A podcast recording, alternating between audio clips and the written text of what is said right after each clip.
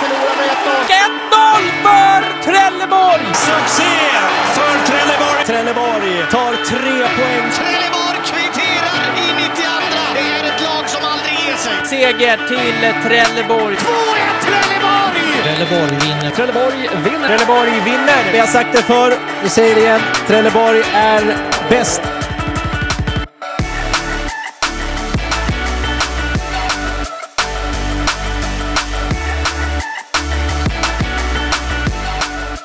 Det är den 22 februari. Kalendersommaren börjar om exakt en vecka, men eh, det råkar också vara så att det var idag våren inträffade i eh, södra Sverige och Trelleborg i synnerhet, eh, enligt meteorologerna. Så det är väl ett härligt eh, tecken på att fotbollen börjar närma sig. Nu är det vår på riktigt Sebbe. Känner du, känner du våren krypa sig på? Uh, nej, det kan jag väl inte påstå direkt. Jag tycker det har varit ganska kallt och räligt väder nu uh, uh, de sista veckorna. Solen har skinit lite grann i alla fall, men uh, överlag så känner jag inte några direkta vårkänslor än åtminstone. Ingen, du, du känner inte av det idag? Den här sekunden när den meteorologiska våren inträffade och man bara, det händer någonting. Nej, jag som är ganska negativt lagd känner faktiskt inte det. Kan inte påstå. Negativt vår. Nåväl. Ah, absolut. Uh, det har ju gått ett tag sedan vi poddade senast. Jag tror det är nästan en månad sedan i alla fall som vi höll låda senast. Och det har ju hänt lite sedan dess. Huliganismen har nått Trelleborg med eh, besked. Kan man säga att Trelleborgs Allehanda gottade ner sig riktigt rejält i, i det där. Vad tycker du om den soppan? Uh, då syftar du på det här som hände inför matchen med Landskrona eller? Ja, det är väl än så länge den första incidenten, men jag antar att det är många nya på gång vad det lider. Uh, man kan ju se på det ur olika perspektiv, tänker jag. Breddar den vuxna... Ja, men alltså det, den, den, vuxna, den vuxna Sebastian känner väl lite grann att, att det känns rätt så meningslöst. Men, men det... Alltså jag känner ju att jag tillhör nog en sån här supporter, ett supporterskap numera som är, är rätt så lugna. Det känns lite grann som den här tiden är förbi där man eh, skulle hetsa och, och vara sugen på att banka motståndarsupportrar om den ens har funnits någon gång. Men hetsen kanske lite grann mer. Uh, ja, det inte riktigt Nej, alltså åldern har väl tagit ut sin rätt lite grann, får man väl ändå säga. Men jag vill egentligen inte uttala mig för mycket åt det. Jag, jag känner att jag eh, tycker Thea har eh, grävt sig ner i, i eh, hela den här eh, cirkusen. Eh, sen om det har blivit uppförstorat, ja kanske. Samtidigt det blir ju lite så, eh, nu ska nu kanske du rätta mig, men som jag förstod det var det ju någon av de här personerna som hade hört av sig till TA. Eller är jag ute och cyklar när jag säger det? Jag fan. Är vi kontakten där redan? Jag har ingen aning om. Nej, jag, jag är för dålig på det. Så det, var väl mest... Instagram. Du har skitdåligt, alltså jättedåligt. Jaså? Mm. Tackar för mycket. I alla fall materialet, som man, fan. materialet man använder finns ju på Instagram så det är inte svårt att leta upp det. Sen var det ju någon rackare som snackade med Theo. Vet, vet, Ja, Ingen aning vem fan det var. Det var väl... Ja. nej, Det alltså jag, jag känner väl kring det att jag är för gammal för sånt, för sånt men Ja, vill det. Det ju personerna lite göra... Det var ingen del av det som tänkte att man skulle snöa på och alltså. Nej, det kan jag väl Alltså då, då skulle jag väl mer kanske titta på tekniken i så fall. Men nej, nej, det är det väl inte. Alltså jag, jag tänker att varje människa får stå för, för sina handlingar och eh, för att låta lite diplomatisk i frågan, vill de här kära individerna slåss och, då, och där är fyra, fem, tio andra som också vill göra det med på samma regler så, så ser jag väl kanske inget problem med det egentligen i sig. Eh, jag har väl kanske mer problem med det när andra människor som inte vill eller har någonting med saken att göra. Eh, likt kanske exempelvis MFF när de eh, attackerade tre lyktor för 15 år sedan och gav sig på oskyldiga människor. Jag har väl mer problem med det. Eh, sådana aktioner än, än, än dessa egentligen. Eh, Sen tycker jag väl kanske det blir lite för mycket rampljus i media. Jag tycker de kanske skulle fokusera mer på annat men ja. Ja. Jag är lite tudelad i frågan. Om jag ska vara ärlig så bryr jag mig inte så jätte. Det är mycket. Jag anar det. Det jag läste då, det passerar mig. Det var ju lite oro för att det skulle fortsätta uppe i Värnamo sen helgen efter. Ja, och det, där kan vi känna att det blir lite för uppförstorat. Eh, jag tänker att jag, Det närmar sig lite jag tycker hela grejen känns... Det känns som hela grejen har blivit ganska stor och, och det... Jag förstår att men, eh, folk reagerar på det och inte vill ha med det att göra samtidigt som jag känner att så är de här människorna med på det så vet de ju konsekvenserna att de kanske får på flabben och får ligga på sjukhus och då är de beredda att ta det så får det stå för dem. Ja, Eh, det är inte men blanda in folk som inte vill ha med det att göra eller eh, så blir det mer problematiskt enligt mig. Så att, jag ser det, kan man hålla det åt sidan så, så skiter jag faktiskt ganska mycket eh, i vilket. Du berörde det nästan lite där när du antydde att TA borde kanske fokusera på något annat. Eh, uh, var, har, du, har du något speciellt i åtanke som, som uh, det är dags att uh, gotta med sig när det gäller Trelleborgs FF? Men jag tänker väl kanske hela... Vi, vi kommer ju komma in på den stora nyheten kring Haris Birkic men senare men eh, jag kanske tycker att de kanske skulle ta TFF lite mer... Eh, känt pulsen på TFF lite mer. Mm. Va- varit lite, lite jobbiga mot TFF nu i hela härvan kring Haris Birkic och hans övergång till Turkiet exempelvis. Eh, verkligen tryckt på vad som händer där. Eh, Mm. det var lite en gåta för mig att det inte kommunicerades ut någonting. En förhandling som jag förstod pågick väldigt länge. Eh, och där slutklämmen blir att man, i, man inte löser det. Eh, Det är ju väldigt Man är- konstigt, he- hela den här jävla soppan med uh, Harris själv säger att han tränar inte med TFF för att den turkiska klubben ville inte att han skulle riskera skador på försäsongen med Trelleborg. Uh, uppenbarligen antyder det att de hade ett väldigt seriöst intresse. Sen blir det ju nästan skrattretande att liksom TFF går med på det så länge. Ah, nej men okej, men då, då, då tränar inte han. Jag tänker ju att förslagsvis om man ska gå med på ett sånt krav från en, från en köpande klubb, då borde man ju vara överens eller nästan överens ett pris först. Att liksom, okej visst, vi kan hålla honom utanför träning, vi kan lyfta ut honom ur vår trupp, men då får vi ju ha, vara överens om vissa saker. Alltså det är ju de här tjänster och gentjänster och eh, mm. ge och ta som gäller i alla affärer. Och i det här fallet känns det ju nästan som, som TFF har sett framför sig någon, någon liten, lite drömaffär med någon turkisk ligaklubb. Uh, och, och, och att man därigenom har liksom bara så här gått med på allt de sagt i något hopp om att uh, längre bort väntar en jävla hög med cash. Uh, det, det, det, Du, Dennis, Dennis, förlåt. Dennis, pausa lite bara. Alltså du, du ska nog bara stanna inspelningen och lyssna igenom ljudet för du låter skitkonstig emellanåt ja, men det måste vara... Jag ska kolla för min inspelning på datorn. Kolla bara så inte ljudet för dig är helt fucked up för att du, du låter... i- Alltså emellanåt hör jag knappt vad du säger. Du har kanske rätt i det förresten. Fan. Vänta. Jag bara tänker så vi inte spelar in ett helt poddavsnitt till och så är ljudet helt fuck ifrån din sida. Jag vet inte om mitt ljud hackar lika mycket. Ah, Ditt hackar som fan.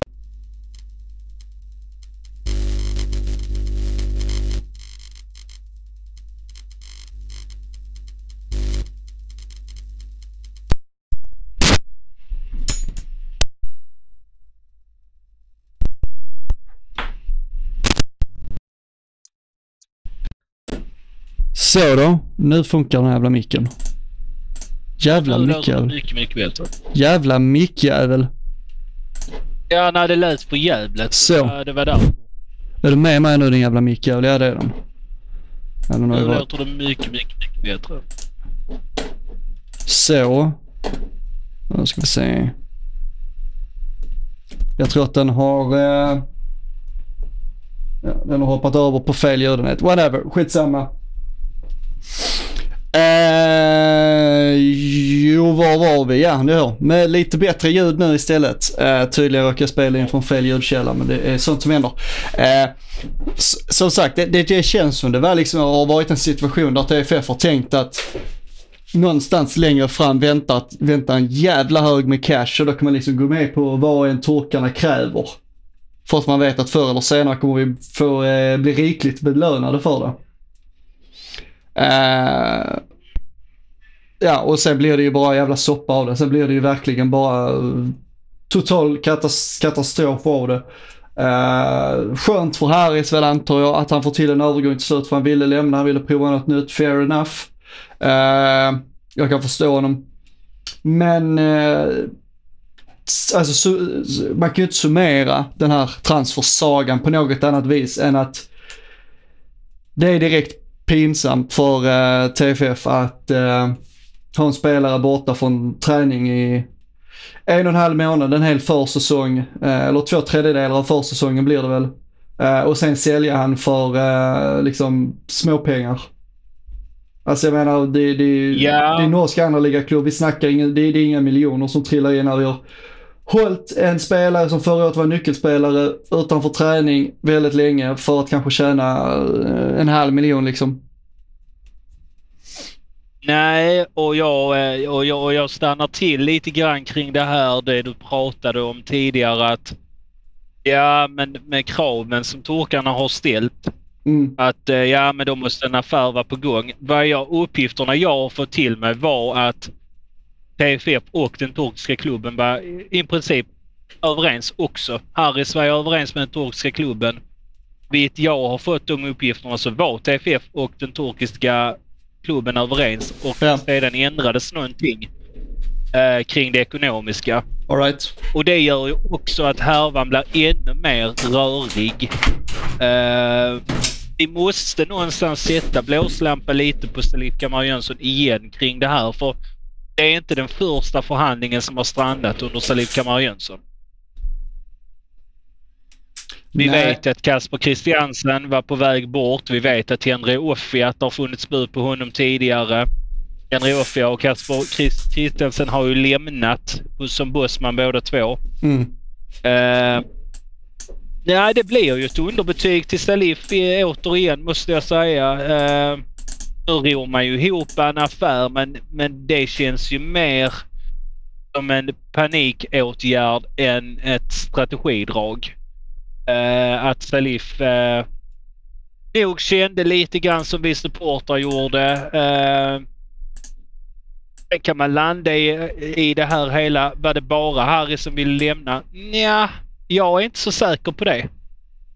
Jag är inte så säker på att det var på ett håll att, att Harris ville lämna.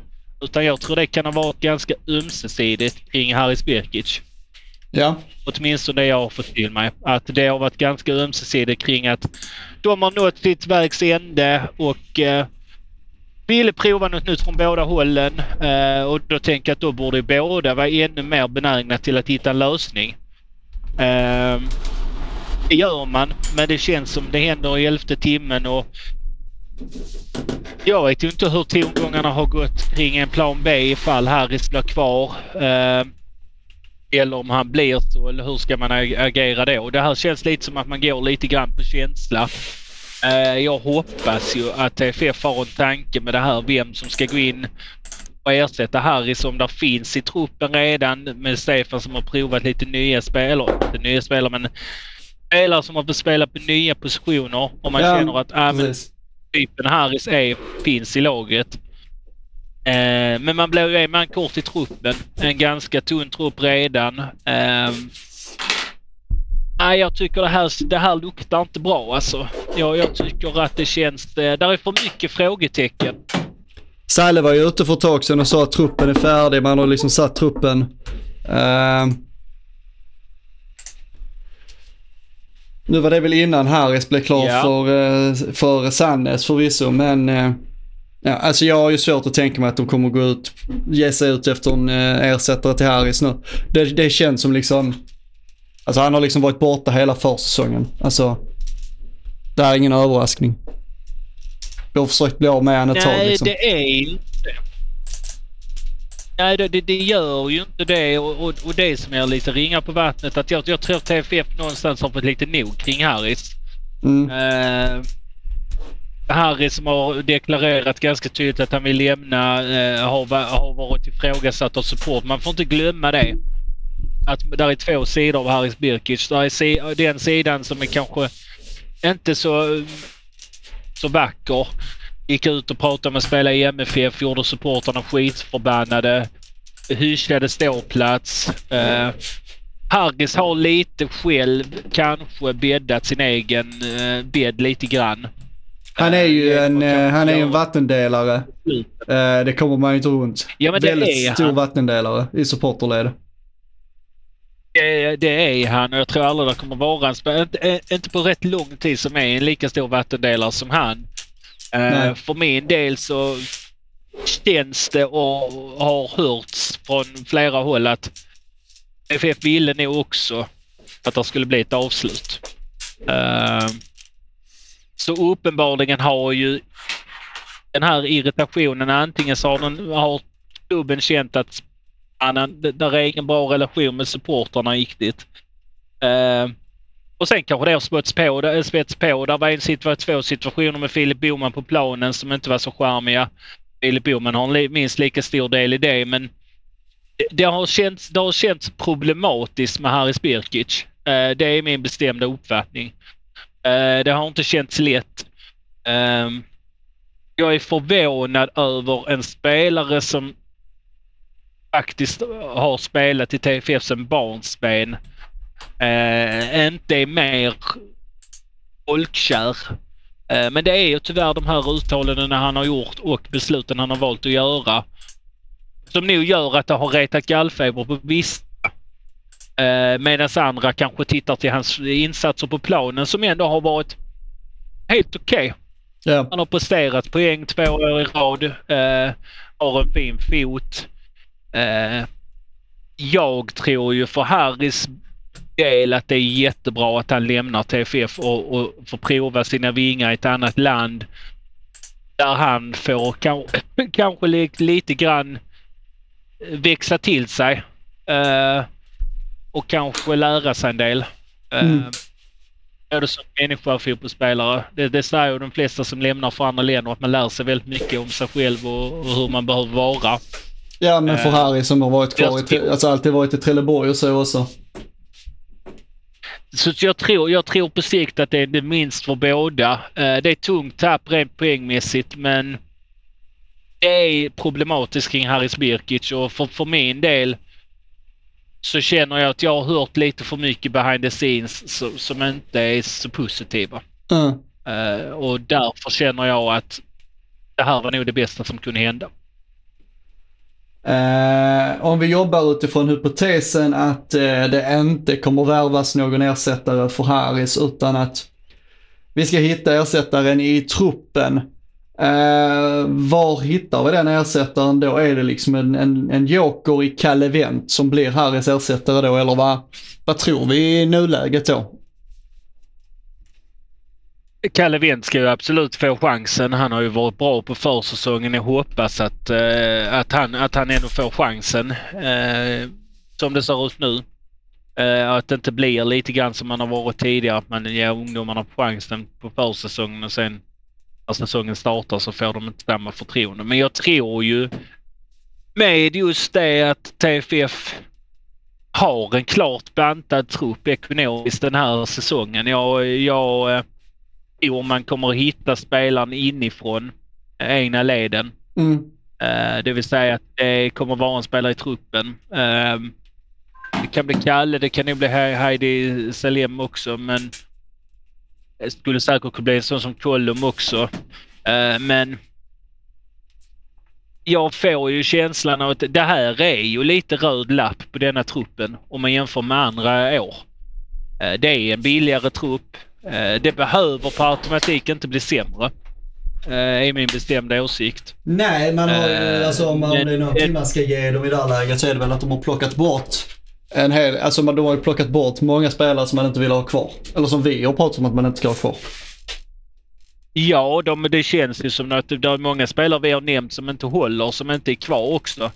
Eh, och det kan man ju inte kritisera dem för mycket om för det känns ju som att nej men där har man tagit bra beslut. Mm. Men jag tycker väl TFF behöver vara mer transparenta om hur verkligheten ser ut. Jag är, eh, och där, där, där, trillar vi tillbaka lite till TA. Att jag tycker att TA skulle varit hårdare med TFF. Att varför har ni valt att, att, att satsa på truppen likt, likt ni gör i år? Mm. Finns det någon speciell anledning? Nu eh, har jag hört från flera håll att TFF gick kraftigt minus i fjol. Eh, vilket har gjort att man behöver banta lönerna. Okej, ja, Eh, jag tror och- att eh, storlek. i takt med att fler och fler klubbar gör de här, har sina årsmöten och eh, liksom bokslut och så vidare så är det, vi- kommer in i en period när eh, där är nog en och annan superettan-klubb som går igenom ekonomiska stålbad just nu. Eh, Ja. vi är nog inte ensamma om röda siffror fjolåret. Nej, och det, och, det, och det är ju, det är ju tråkigt att det är så, men jag tycker väl transparensen borde vara större från föreningen. Mm. Eh, Alltså ja, man kan ju gå ut och säga det bara. Man kan ju gå ut och säga det bara. Jag, jag förstår inte varför. Jag, jag, jag tycker att det hade gett... Jag tror det hade gett alla som sitter på, på ledande positioner eh, i TFF lite luft under vingarna. Eh, Ja. Om man hade haft högre transparens och faktiskt sagt hur läget ligger till. Mm. Eh, och där man hade haft en målsättning som är, som är relevant till laget man har. Mm. Eh, nu väljer man ett annat spår med tystnad och man eh, sluter sig inåt och, och, och det är ett, problem jag har sett under tio års tid i TFF. Eh, att man eh, sätter skygglapparna på oss och tänker man att säger vi inget så vet ingen någonting. Men Mm. Faktum är ju att saker och ting kommer till ytan oavsett hur mycket man vill eller inte. Ja. Eh, och hade man haft transparensen och sagt att nej, vi hade pisssiffror ekonomiskt förra året. Vi måste, vi måste göra den här satsningen. Vi behöver göra det som förening. Eh, våra sponsorer kräver att vi satsar mer på unga. Jag tror alla hade köpt det. Nu blir, nu blir det en irritation mot TFF varför TFF inte värvar. Eh, varför det inte kommer in fler nyförvärv. Eh, hade TFF varit transparenta som jag sa så tror jag att fler folk hade lugnat sig. Eh, folk hade säkert varit kritiska men folk hade säkert, då hade man ändå kunnat, TFF ändå kunnat ta det här trumfkortet. Ja men vi gick ut och berättade hur, exakt hur det ser ut. Mm. Eh, nu blir det en gissningslek där TFF tror man sitter med hela spelhandeln men egentligen så man ju, borde man ju folat för länge sedan. Eh, jag blir irriterad över det. Jag, eh, jag tycker att det mesta känns amatörmässigt eh, just nu. Mm. Jag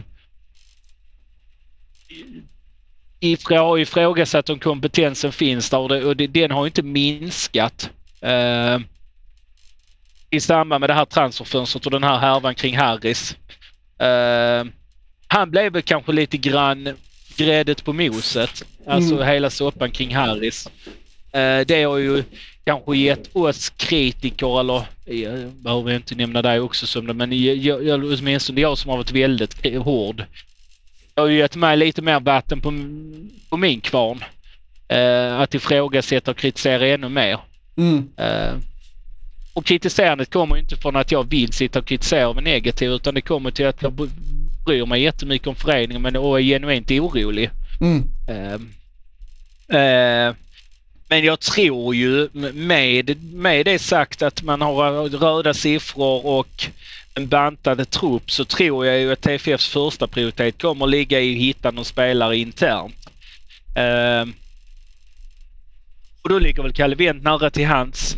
Eh, det finns en fara att börja flytta runt spelare. Vi har sett det tidigare andra år. Spelare som ska spela på en viss position men spelar exempelvis forward som har spelat yttermittfältare och vice versa. Där det har blivit jävligt dåligt. Eh, så jag tror man behöver vara väldigt... Eh, jag tror man behöver vara väldigt ärliga och framförallt transparenta mot sig själva också. Eh, och se sanningen som den är. Att nej, men vi har inte en spelare som, är, som kan ersätta här. Vi måste få in någon. Eh, uh, sen om det är via ett lån eh, eller det är en, en bossman eller det är ett köp. Någonstans måste man hitta den här personen. Jag bryr mig inte så mycket om, om, om man värvar in någon men, men vi behöver, man behöver ju se efter tio omgångar i Superettan i år att ja, men vi ersättaren till Harris fanns i truppen. Eller att man plockar in någon. Uh, för, för är det någonting som jag sa, jag är lite kritisk mot Harris. Är det någonting som man faktiskt kan trycka på så är det faktiskt att Harris har gjort poängen de två sista åren han har varit här och de poängen ska, måste ersättas. Uh, Det är mycket poäng som försvinner i både Harris och eh, Henry Offia. Där, är står vi ju inför, där Eh. står vi ju inför en utmaning. Ja men det gör vi. Eh, och det, och det, det, det är ett väldigt stort... Eh, det, det, TFF, det är jävligt risky business med det TFF gör som satsar mer på de yngre. Mm. Eh, samtidigt är det ju en del i mig som är, är jävligt glad över det för det är ju någonstans det vi har pratat om hela tiden. Eh, så det är ju inte där jag menar att jag tycker att TFF är amatörmässiga. Och är sanningen så att ja, men de inte har råd att ta in, nej men då, då, är det ju så. Eh, då kan man ju inte gamla likt Helsingborgs IF och värva på ändå. Eh, utan då måste man ju se verkligheten och, och, och det är jag fine med. Men, jag blir, men jag tycker det blir liksom, ja men lilla Beddinge över det när man liksom inte går ut med någon information alls och man inte lyckas med några förhandlingar oavsett om det är att värva in eller, eller sälja och framförallt nu har vi ändå haft ett par exempel i att sälja. Att man liksom inte kan knyta säcken. Nu gör man det med Harris men, men det har ju brustit i andra försäljningar innan. Mm. Eh, det gör mig orolig uh, över var, kompetensen finns för det, det, det känns inte så. Eh, och det är lätt att sitta och säga ja men gör så här, gör så här. Det, det, jag förstår att det är ett supertufft jobb och, och ett jävligt... Han hade nog själv suttit och blivit irriterad alternativt skrattat när man har läst vad supporterna skriver och, och tänkt att ja, ni vet inte hur svårt det här jobbet är. Jag, jag, jag är fine med det. Men därför är, därför är det ju så viktigt att kompetensen finns. Uh, för en kompetent sportchef eller ledning löser ju sådana här problem. Ja, och att man kanske kom, kommunicerar lite när det gäller saker. Ja. Ja, jag tycker det. Så TA fick lite brasklapp. Jag tycker de kunde tryckt lite hårdare på, på struphuvudet på TFF och TFF borde agerat annorlunda. Det är ett jävla långt utlägg men jag eh, kände att det var nödvändigt. Nej men där ligger väl mycket i det. Uh, jag vet inte riktigt vad jag skulle kunna tillägga. Uh, när det gäller den saken, jag förväntar mig väl också att uh, det kommer inte vara några jättefina siffror vid i, liksom bokslutet eller vad man ska kalla det. Utan ekonomin är nog lite vad den är just nu. Det är 2023, om man ska liksom bredda perspektivet så har det ju varit tufft år för hela samhället och hela världen väl liksom utifrån ekonomi och inflation slår ju hårt även mot idrottsklubbar. Så som sagt, jag, jag tror att det är många klubbar i Superettan som kommer eh, eh, stå där med, eh, med blodsröda siffror när det är dags att presentera eh, ekonomin och så vidare. Jag skulle ju gissa att årsmöten och sånt det kommer väl nu i mars skulle jag tro. Eller den perioden har väl redan börjat. Alltså nu slutet på februari i mars. Ja, jag tror att eh, TFF kommunicerar ut ett årsmöte ganska snart. Okej, ja. Uh, början på mars. Ja, och det, och det är klart att man... Det är klart att Det när kommer ju fram där.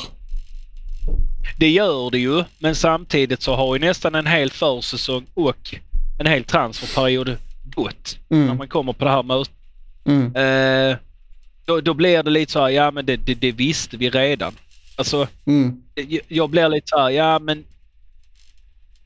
Nej, trans, jag, jag kräver lite högre transparens. Jag, jag, tycker inte det, är- jag tycker inte det är för mycket att begära. Eh, jag tycker det är andra klubbar som är, du, är duktiga på det. Eh, jag, jag tror att man hade fått med sig supportrar genom att vara det. Eh, Mm. Supportrar hade nog blivit mer... Eh, jag, tror, jag tror att folk som är jävligt hårda med TFF hade kanske taggat ner ett, ett snäpp och känt att ja, fan, de kämpar med ekonomin. Ja, det, blir kanske inte så flashigt. Sen, sen är det ju den delen i det att vi har ju också bränt mycket Mjäl- av Mjällbygård-pengarna. Eh, Mm. På absolut ingenting. Eh, Resultatmässigt, nada. nej, så är det ju. Eh, där är enstaka fall eh, rent eh, spelare, alltså individuellt spelarmässigt. Men på det stora hela så är ju det en fet flopp. Eh, summan av summario liksom av, av vad vi, vi har väl pratat om att det har använts ungefär hälften. Ja, nej men det är väl ganska bekräftat att ungefär hälften av de pengarna är använda. Och det är ju för mig ett jättemisslyckande. Och det, det, det är lite där jag också vill komma till kring TFF. Att det känns lite som TFF alltid ska linda in saker lite, att det ska låta lite bättre än vad det är. Eh, jag skulle vilja att de gick ut och var hårdare utåt med sig själva. Att äh, vi, det, det, här har inte, det här är inte tillräckligt bra. Mm. Eh, Jag tycker det är för mjäkigt när man går ut och bara ja. Vissa år har det hetat att man har haft otur, andra år har det hetat nej men vi var inte riktigt där eh, som vi trodde. Jag, eh, jag, tycker det, jag tycker det är för klent. Jag tycker vi har, vi har pratat i flera år om målsättningar och, och gå upp i Allsvenskan. Vi har aldrig riktigt varit nära. Eh, tabellmässigt var vi fyra ett år och femma i fjol. Nej, inte i fjol men i förfjol va? var vi femma va? Ja, vi har ju en fjärde plats i ryggen. Från Ja, äh, precis. äh, inte förra året uppenbarligen, men, men ett tag tillbaka. 2022. Men, men jag, där, där pratade du och jag att man aldrig riktigt var nära Nej, men precis. eh, spelmässigt. Ehm, Vi är ju inte som Öster ändå- som är med där och krigar varje år och halkar lite på målsnören. Och vi borde ju Nej. vara där. Vi borde ju vara i deras skor. det är väl lite så. Eh, och det. Men ja. Ja, alltså jag har en god vän som, som eh, lite grann, eh, lite så här. "Ja, Jag tycker du ska säga precis vad du tycker. Ja, det kan man tycka. Uh, uh, detta är väl precis det jag tycker. Eh, jag, jag känner att uh, han har gjort av med så mycket pengar och ingenting. Och det landar ju någonstans i att summa summarum av det är det ju att är det någonting i det hela eh, transferfönstret och tank, eh, hur tankarna har gått från TFF så det, i år Mm. så är det ju ändå någonting man gillar i att de satsar på de yngre. Alltså så en sån som Kalle Wendt att om han nu får väldigt mycket speltid och kanske Aljevski också. Att eh, man har tänkt rätt skulle jag säga. Man har ändå släppt upp, Ja, släppa upp lite e- egenfostrade spelare. Det gillar jag så att det, det en konsekvens som slår väl ut. Då är det ju oerhört positivt.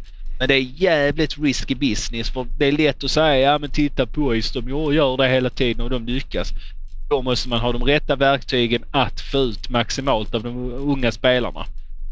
Eh, det är ingenting som bara händer per automatik att en ungdomsspelare som kommer in och tar jättekliv de två första åren. Utan det kan ta tre, fyra år, fem.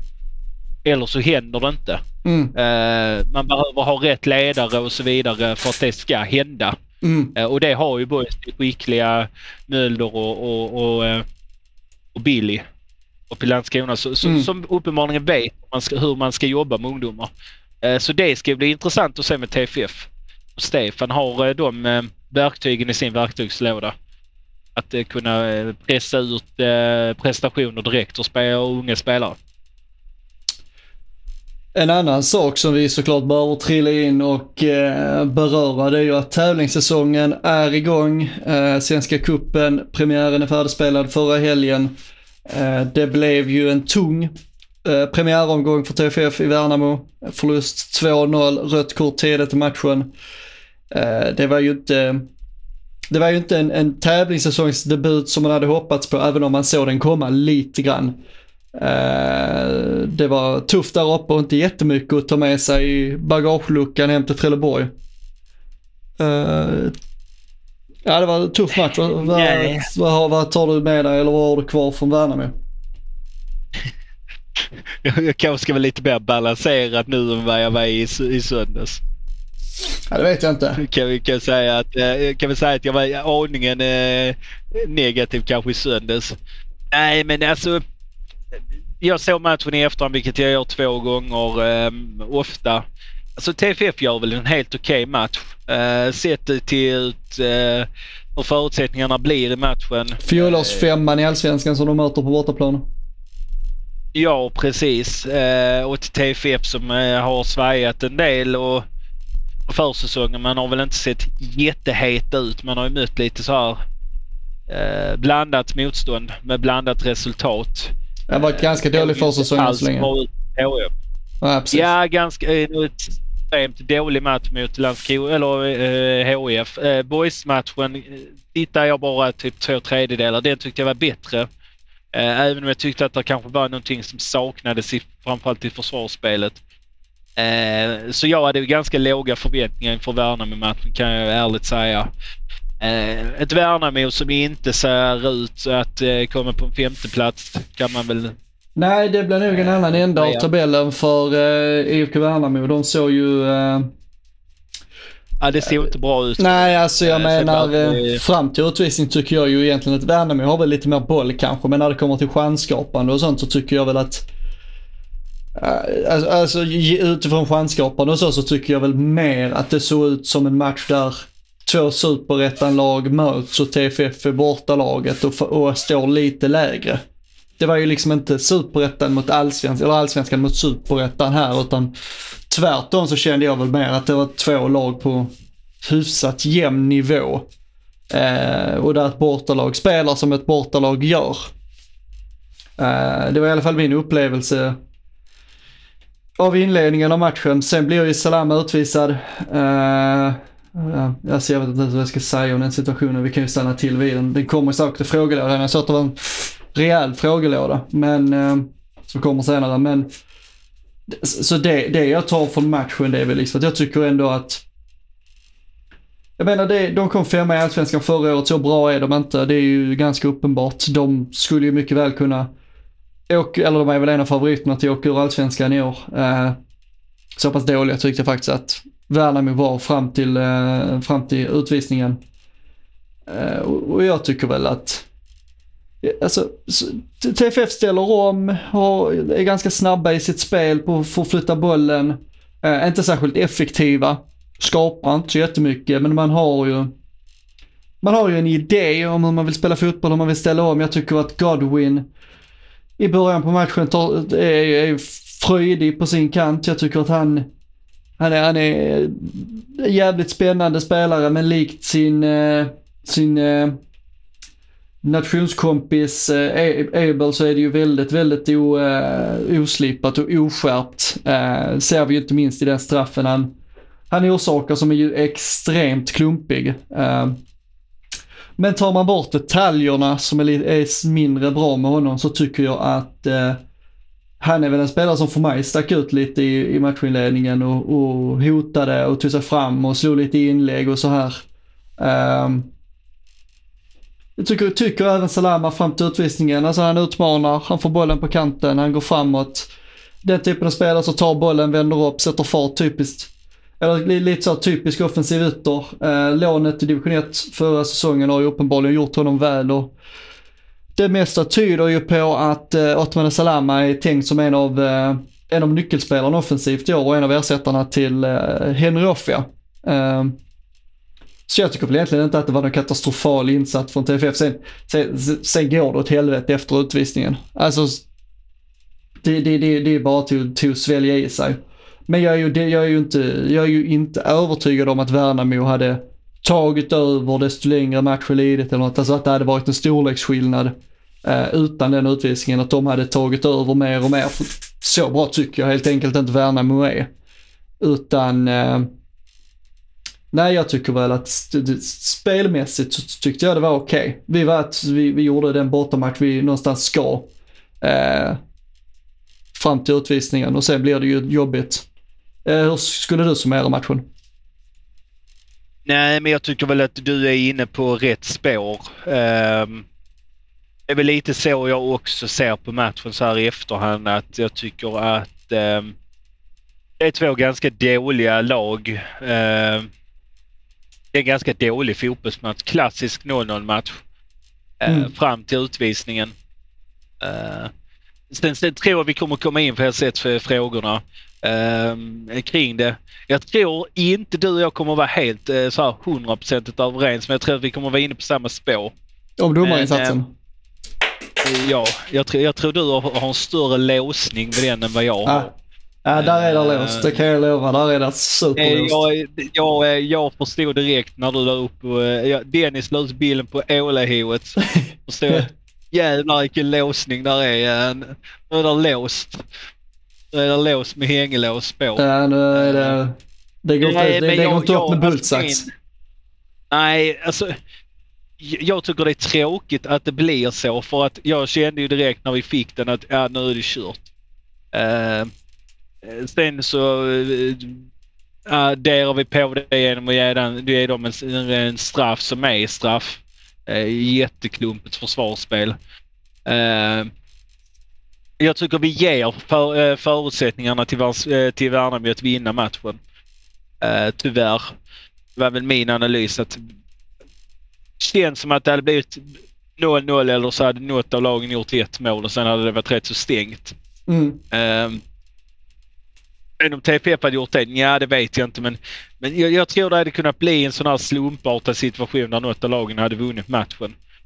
Uh, Ja, så, ja, ja, så är det ju. Så är det ju. Så är det nu blir det också. att TFF får konditionsträna och springa lö- massa löpmeter för att man är en man mindre. Eh, Där ser man ju lite att Lands eller eh, jävla Landskrona-låsning jag har. Eh, Värnamo, att de är allsvenska, tycker de flyttar bollen bra och, och när, de, när de är en man mer tycker jag man ser det mer. Att eh, där är en viss nivåskillnad eh, som gör det jobbigt för TFF, vilket det ska vara. Eh, så att jag tycker inte man ska... Cupen är bra för att få tävlingsmatcher och eh, med, med en stor gnutta tur så, så hade man kunnat gå vidare från denna gruppen på förhand. Det tänkte jag när jag såg den att ja, har man rätt dag mot alla motståndare så kanske man kan ta pengar alla tre.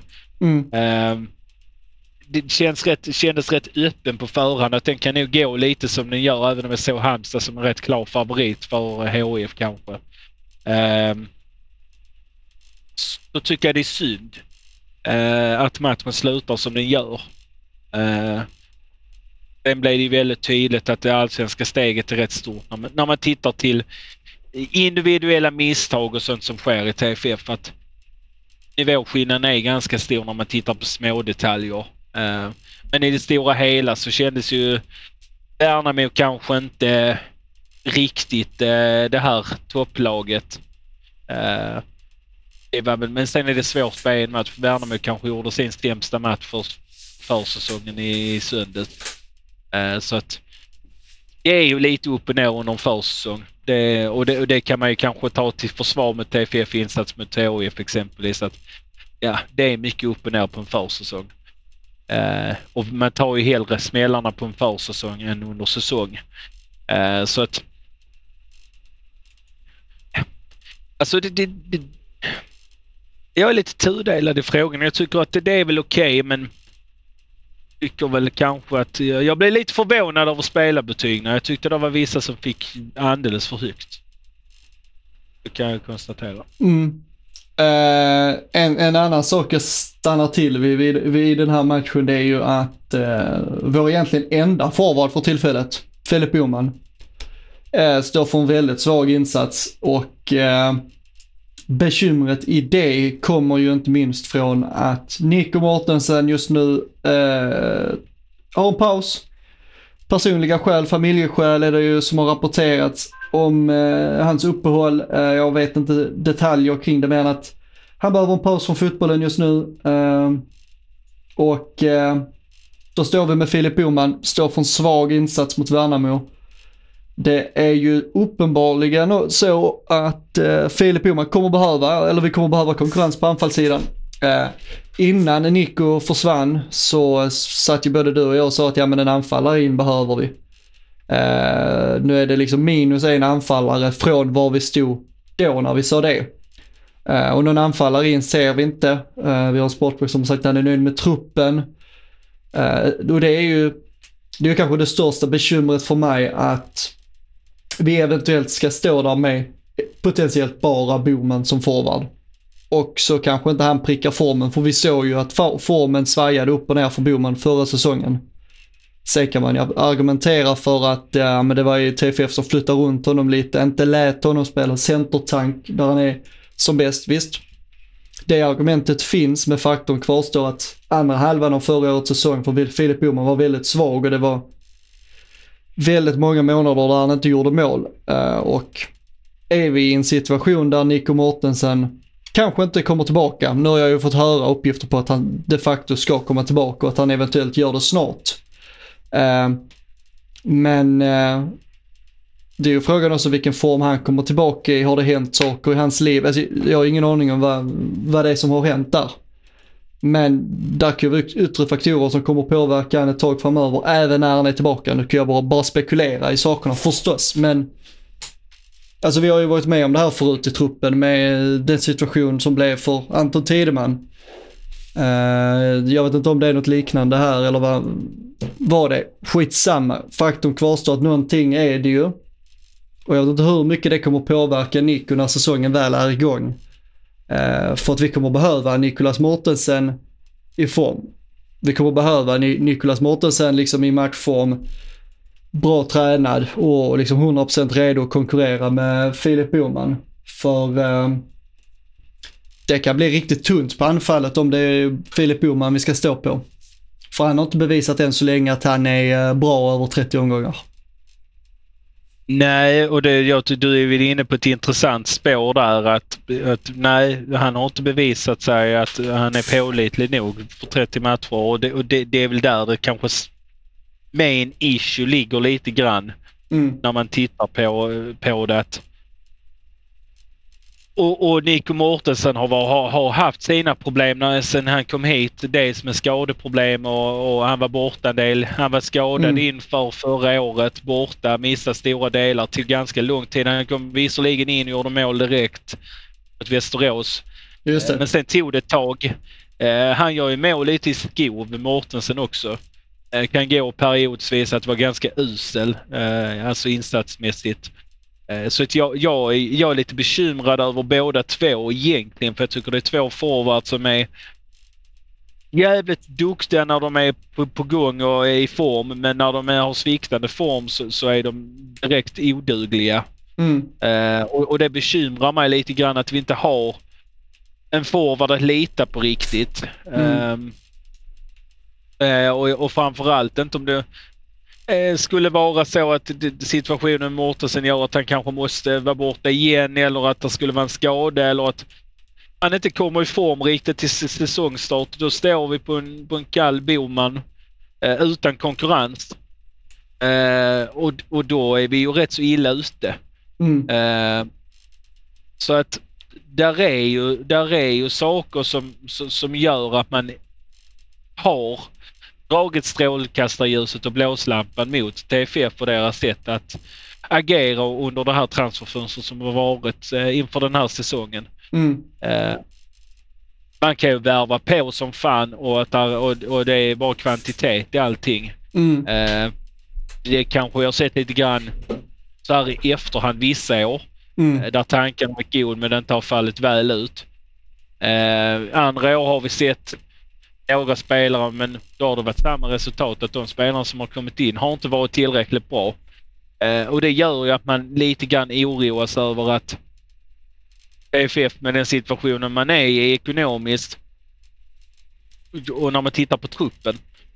Eh, mycket spelare har lämnat men, men det har varit många spelare som har lämnat på positioner där det finns ganska...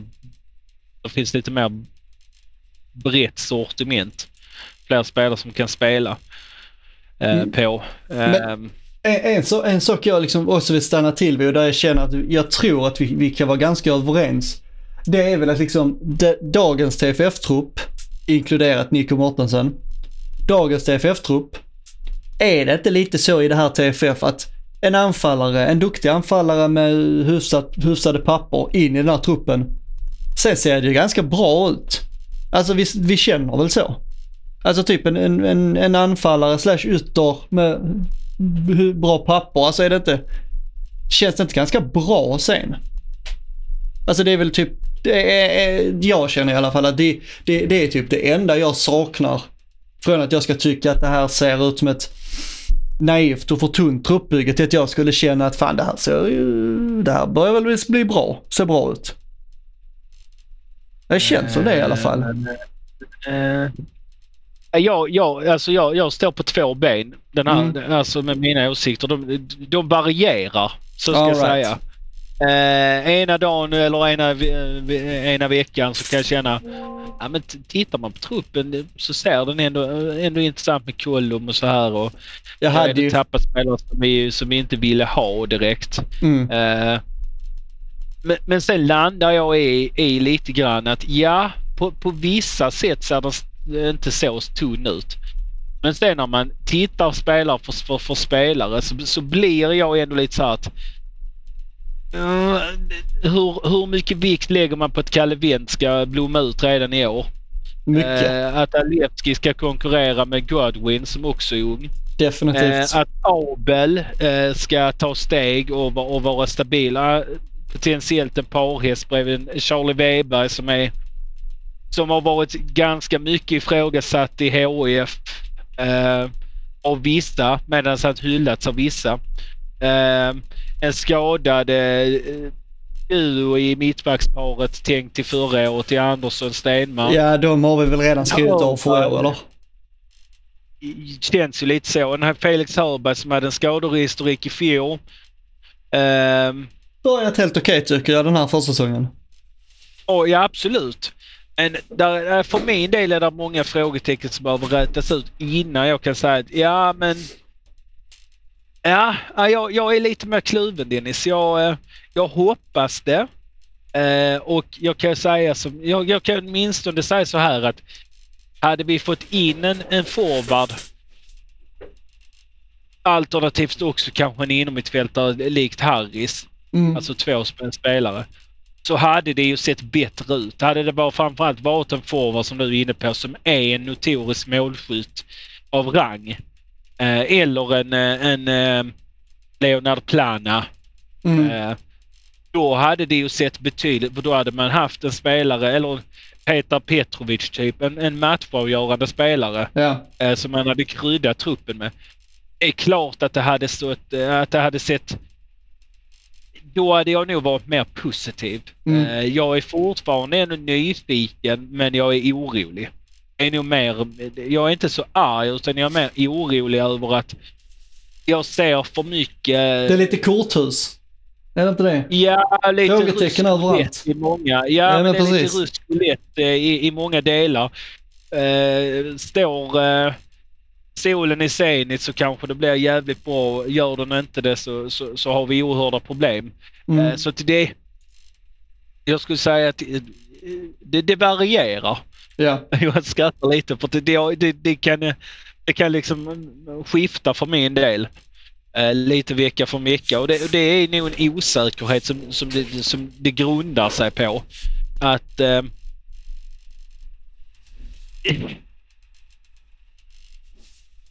jag känner lite grann att hur, hur, hur har situationen sett ut med Harris? Har man räknat med honom eller har man utgått från honom i truppen nu när det verkar skitit sig med turkarna eller har man varit som... Alltså alla känslor med Harris är väl att alla inblandade har hoppats att, det ska, att han inte ska komma tillbaka. TFF som accepterat honom utanför träning, Harry som själv sagt att han ville bort. Jag tror inte truppen har stått och protesterat heller. Alltså, eh, ja, alltså, Nej, det, det är klart att jag vill säga att nej, men det här ser bra ut och jag... Men där, där är väldigt mycket risker. Det, det är nog det jag ser. Är, och är verkligen det är en trupp med är högt risktagande. Det kan slå väldigt väl ut men det kan slå väldigt illa ut. Ja, men då, då, då, är det, då, är det två, tr- då är det två klubbar jag måste nämna i Superettan. Alltså du, du måste höra detta. Alltså, Uh, Örgryte, eh, ah, fan alltså nu dubbeltryckte jag på fel ställe ett ögonblick. Jag ska bara få rätt på det här. Om vi börjar med Örgryte, och det här, det här är lite grann grunden för att jag liksom, jag, jag är inte optimistisk, absolut inte, inte på något vis. Däremot så har jag gått igenom våra konkurrenters transferfönster och inser att att åh, vi fan är mig tillhör liksom en av klubbarna som har gjort på pappret bäst business under försäsongen, vilket är helt sjukt, men så är det. Alltså, Örgryte, två spelare in. Mikael Dyrestam, 32 år. Charlie Vindehall från Värnamo. Och sen är det eh, en hel radda av spelare ut. Det är två nyförvärv, det är Mikael Dyrestam och Charlie Vindehall. Vad fan händer i Örgryte? Brage ser lite likadant ut. Alltså det, det, det ser så svagt ut det transferfönstret alltså. Det är helt otroligt. Hallberg har lämnat Brage som jag, som jag förstod det. Uh, Seth Hallberg. Hellberg. Ja. Ja men precis och sen har man värvat in någon Ferhan Abic från Falu. Ömer Pektas från IFK Stocksund. Oskar Ågren från San Jose. Uh, San Jose, det måste vara deras eh, organisation då borta i USA. Cesar Veli, Ve- Veli, det är väl ett eh, meriterat nyförvärv. Sen är det en som heter Ronny Hajo. Alltså sen är det Rödin, Karlberg, Tamimi, Seth Hallberg. Ronny Hayo, eller äh, Ronny Hayo, okej han var utlånad och sen lämnade han. I alla fall, alltså jag hittar liksom Örgryte, Brage, alltså Landskrona, det ser inte bra ut heller där. Alltså, om man, om man tittar transferfönster, nu vann de ju mot oss i en träningsmatch men eh, jag vet inte riktigt hur legitim den segern var egentligen om man ska vara ärlig om man var där och såg matchen. Gävle händer ju i stort sett ingenting heller, Uh, tycker jag. Och där har ju liksom deras viktigaste spelare, målvakten Robin Wallinder, försvunnit. Alltså, så tittar man runt i serien så tycker jag att det hos konkurrenterna ser inte så jävla bra ut. Jag tycker inte HIFs transferfönster är något speciellt. Utsikten har inte suttit ihop något som imponerar. Degerfors är ju en jättelista med spelare som hade mycket speltid i Allsvenskan som försvinner och in är det liksom spelare från Täby, från Nordic United FC, Örebro, Örebro Syrianska, något lån från Elfsborg. Eh, Alltså jag kan liksom titta på de andra klubbarnas transferfönster och tänka att fan vi, så jävla dåliga är vi nog inte trots allt. Varberg tycker jag har gjort ett intressant fönster. Öster tycker jag har gjort ett intressant fönster. Sundsvall verkar liksom så här rust, rusta för att konkurrera i toppen. Det är väl de tre klubbarna som sticker ut. Men bakom dem är liksom, alltså bakom de fyra, femma, om vi ska ta liksom på pappret vinnare i transferfönstret. Där någonstans är TFF just nu tycker jag, på pappret. Sen vet jag ju inte så mycket om spelarna som har värvat. Jag bara konstaterar att många klubbar har tagit spelare från små klubbar. Eh, Utsikten har blivit av med spelare, plockar in liksom eh, två spelare från Trollhättan, eh, en Malcolm Muenza som väl känns ganska trött, Robin Book. Alltså, det är liksom inte, det, det är lite samma sak i Skövde. Alltså det, det, det är inte hett det som händer i de andra klubbarna. De, de springer inte helvarv runt oss. Utan när jag liksom tittar bara på papper förstås. Men om man tittar bara papper så tycker jag fortfarande vi är ju topp 5-6 när det gäller transfer den här, den här vintern. Vilket är helt sjukt. För jag tycker verkligen inte det har varit ett särskilt bra transferfönster. Men Degerfors-supportrarna tycker jag till exempel ska fan i mig oroa sig för om inte de eh, gör en klassiker och rinner rakt ut alltså. Imponerade ju i kuppen mot Örgryte och slog dem med 5-0 eller något sånt här Men, men, men, men det kanske inte säger så mycket om... eh, Säger mer om Örgryte eh, kanske. Degerfors. Det säger kanske mer om Örgryte. Nej men det är klart när man, när man hör det så, så så är det klart och det indikerar ju någonting som du har varit inne på att det kanske är fler klubbar som brottas med samma problematik som TFF gör ekonomiskt. Mm. Eh, samtidigt så... Ja, ja absolut. Man ska alltid sätta det i relation till annat. Mm. Alltså med, och, och då får man göra det i form av andra lag. Mm. Eh, man kommer ju få med ett facit när säsongen spelas. Eh, Superettan är en så pass jämn serie att eh, går det här väl ut för TFF så kanske du, eller framförallt jag, får stå med skägget i brevlådan. Eh, Fast jag tycker inte du är så negativ egentligen. Jag tycker liksom du, du är ju mer på dem på någon typ av le, alltså på ledningssida i så fall. Alltså truppmässigt så är vi väl båda två så att jag ja, kanske. Eh, jag, jag, ty- jag ser ju med en viss tillförsikt på att man, man väljer att spela på med, med lite yngre, att man väljer att Mm. satsa på en annan bana eftersom resultatet av det vi har gjort de andra åren inte har fallit ut, att det har blivit totalt magplask. Så kanske det där är något sunt i att man väljer att satsa men Ja, alltså det, det, det känns verkligen så här som en, eh, som en fet säsongen känns som en sån här fet vattendelare. Antingen så blir det jävligt bra eller Mm. så blir det jävligt dåligt. Och Men alltså, jag menar, vad fan. kan- Jag, jag ska inte haka upp mig för mycket på dem, men Örgryte. Två nyförvärv. 5-0 i, i, Svenska cupen-premiären i röven. Det kunde varit värre. Så kan Ja, vi det konstatera. kunde fan i mig Min varit bror eh, kommenterade ju det lite grann i söndags. Då blev jag lite irriterad på honom och eh, fräste ifrån att vi inte skulle lägga fokus på vad de andra gjorde. Lite skämt med, lite med glimten i ögat men lite allvar. Eh, men Men han kommer ju alltid in med nyanserna. Eller han ska, han ska försöka göra det i alla fall. ja, han, han är en fin påg. Uh, försöker uh, hitta det, ljuset i livet. Ja. Bror. Försöker vara puss, optimisten själv. Det är ju Svedman. Alltså borde ha det kanske precis sånt uh, visitkort. Ja, precis. Eh, nej, Hopplös men- optimist. Ja, men lite så. Så kan man inte prata Rögle. Då är han nog inte så optimistisk. nej. Men uh, never mind. Men uh, alltså när du nämner när du ger ett konkret exempel, ja men de här, de här klubbarna har värvat detta. Ja det är klart att då, då är det klart att TFF, att vårat trans, transferfönster kanske inte ser så illa ut. Mm. Eh, jag tycker framförallt Kullum är, är den absolut mest intressanta värvningen inför. Alltså det, det är den spelaren jag Definitivt. har grönmarkerat i, i mitt block som känns absolut mest intressant av, av nyförvärv som har kommit in. Men lite flopp Eh. än så länge under försäsongen, om vi ska vara lite ärliga också. Men det är gott om tid Eh, att ja. vända på det. Ja, och sen men, men, men om man kanske ska måla med en annan penna så är det ju en sån som Charlie Weber. Han kanske målar med lila penna en, en, som indikerar en jätteviktig värvning att den, att den, eh, att den eh, blir bra. Eh, Charlie Weber är kanske den viktigaste värvningen vi har gjort. Eh, om den Ja. faller väl ut.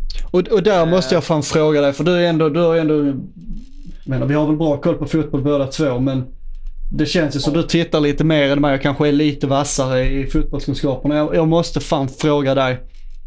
Varför vill man specifikt värva en vänsterfotad vänsterback?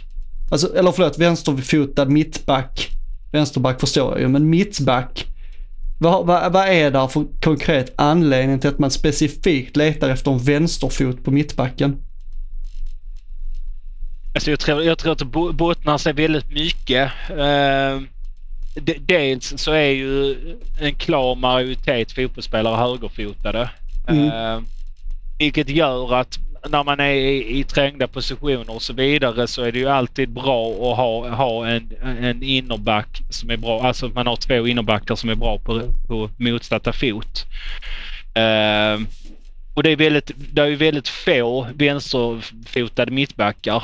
Ehm, jag tror att man vill ha in det för att skapa en grundförutsättning att kunna spela upp bollen på ett betydligt tryggare sätt.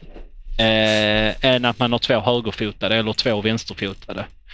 Eh, just i de här trängda situationerna när de kanske behöver använda sin bästa fot Mm. eh, då är det ju bra att ha en av varje.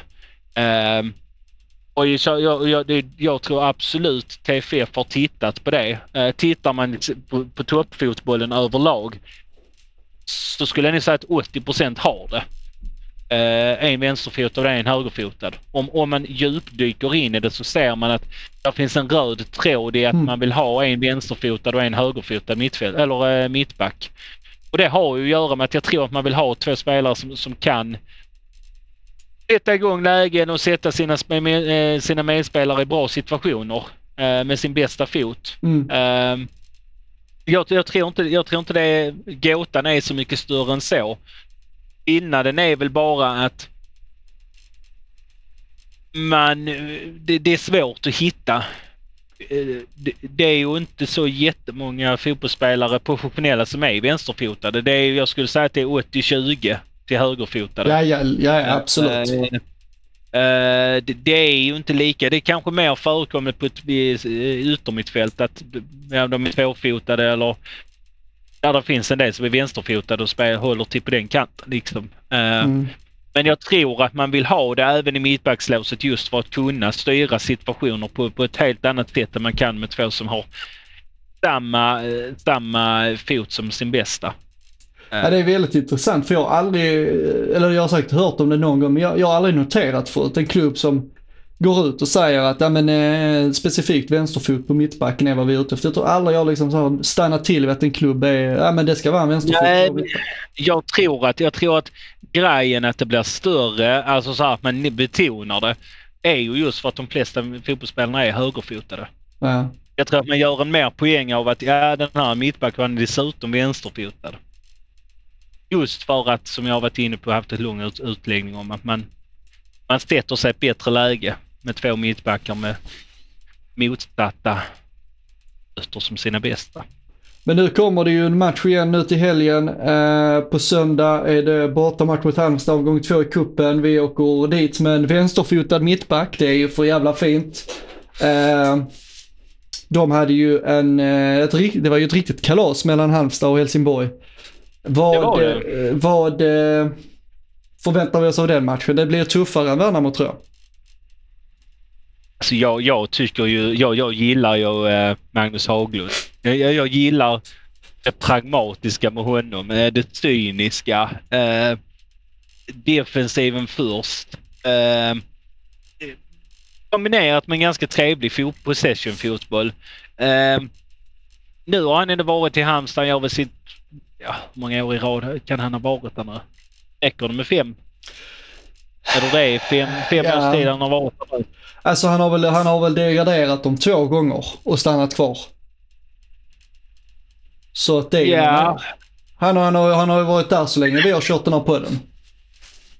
Ja precis, så att han har ju varit här. Han har ju varit, det är ju inte första och det är inte andra året han är där utan han, han har gjort ett couple Sommar av år, men han- 2019 kan det nu vara att han gick dit, eller gick tillbaka, kom tillbaka dit.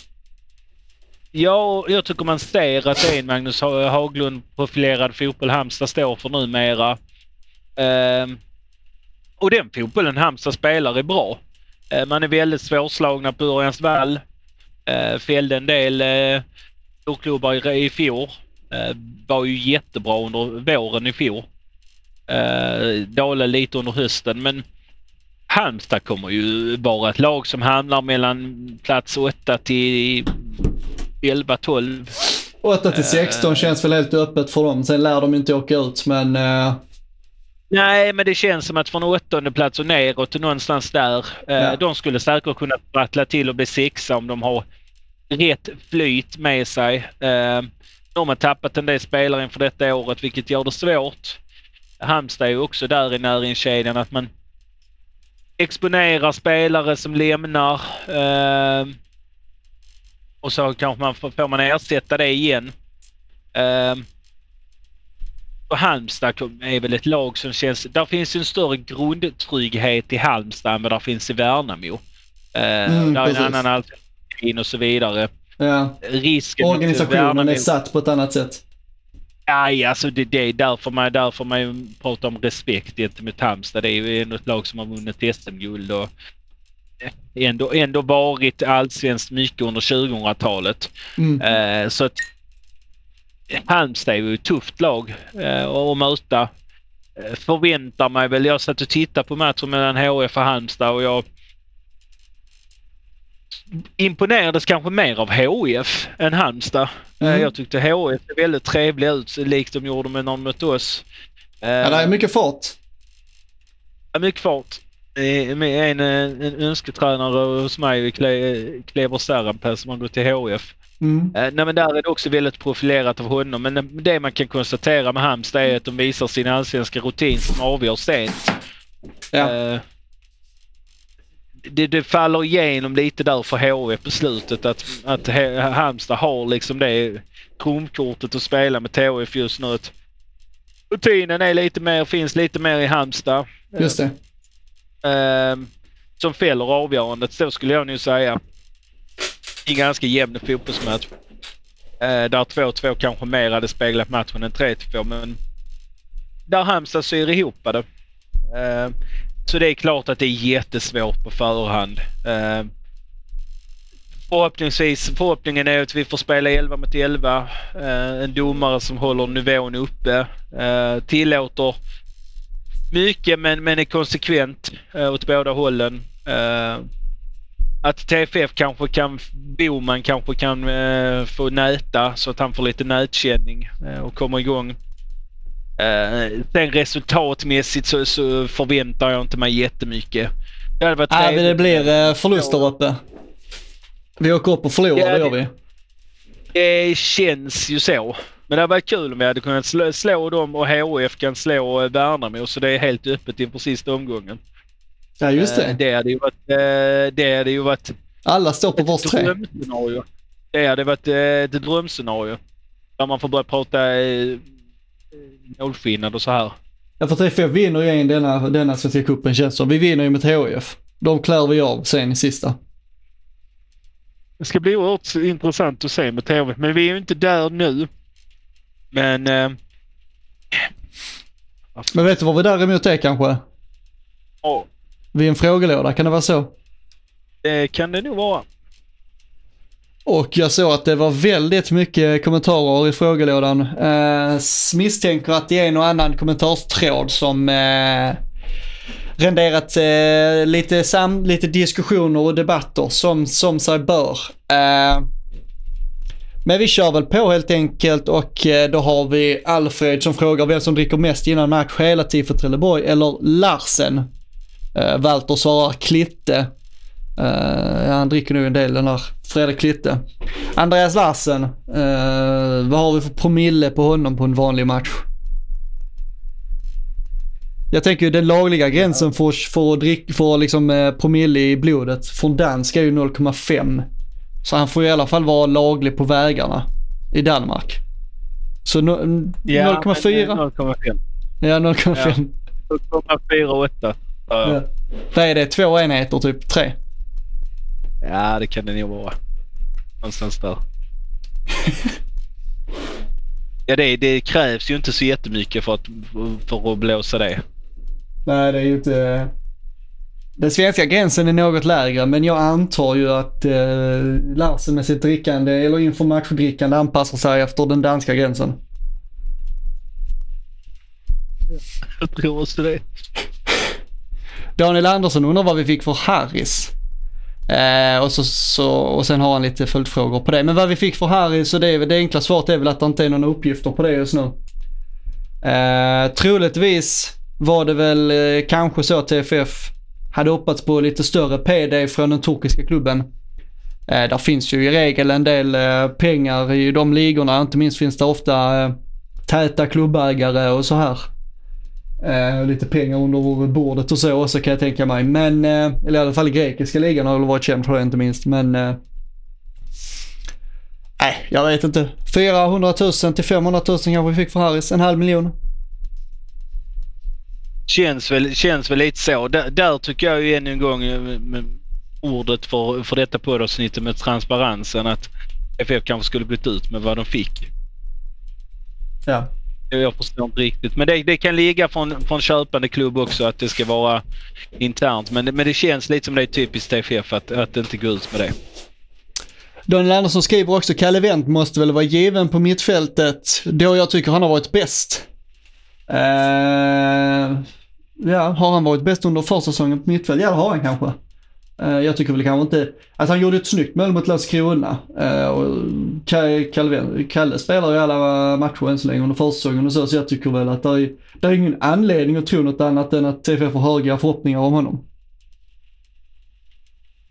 Given på mittfältet? Vet inte. Kanske inte. Men eh, han är med och konkurrerar. Det känns ju som att han är ju på, han är ju på riktigt aktuell för att, för att kampera om en plats åtminstone. Ja, och i I startelvan. 4-3 med tre innermittfältare så är det ju, öppnar ju en extra plats. Än om det är en 4-4-2 till exempel. Så det, det, det talar också för honom. Absolut. Eh, nej, men jag, jag tror att slutsatsen för honom blir, ju, som truppen står just nu, eh, och vi får ju utgå från att det är slutvärvat, så absolut. Han frågar även om, vi- om vi ersätter Mortensen. Jag svarar väl snabbt att jag tror inte vi ersätter Mortensen för jag räknar väl med att han kommer tillbaka och det mesta tyder väl på att eh, Mortensen kommer tillbaka inom kort. Ja, och är det så så, så behövs det kanske inte. Jag skulle ju gärna vilja ta in en anfallare för att konkurrera Mm. med Bo Ja, precis. Som vi var inne tidigare. Att, men eh, rakt av för Mortensen, nej. Eh, Daniels sista fråga är TFFs nya strategi där man satsar på eget istället för att köpa in bänkspelare känns väl helt rätt efter senaste åren.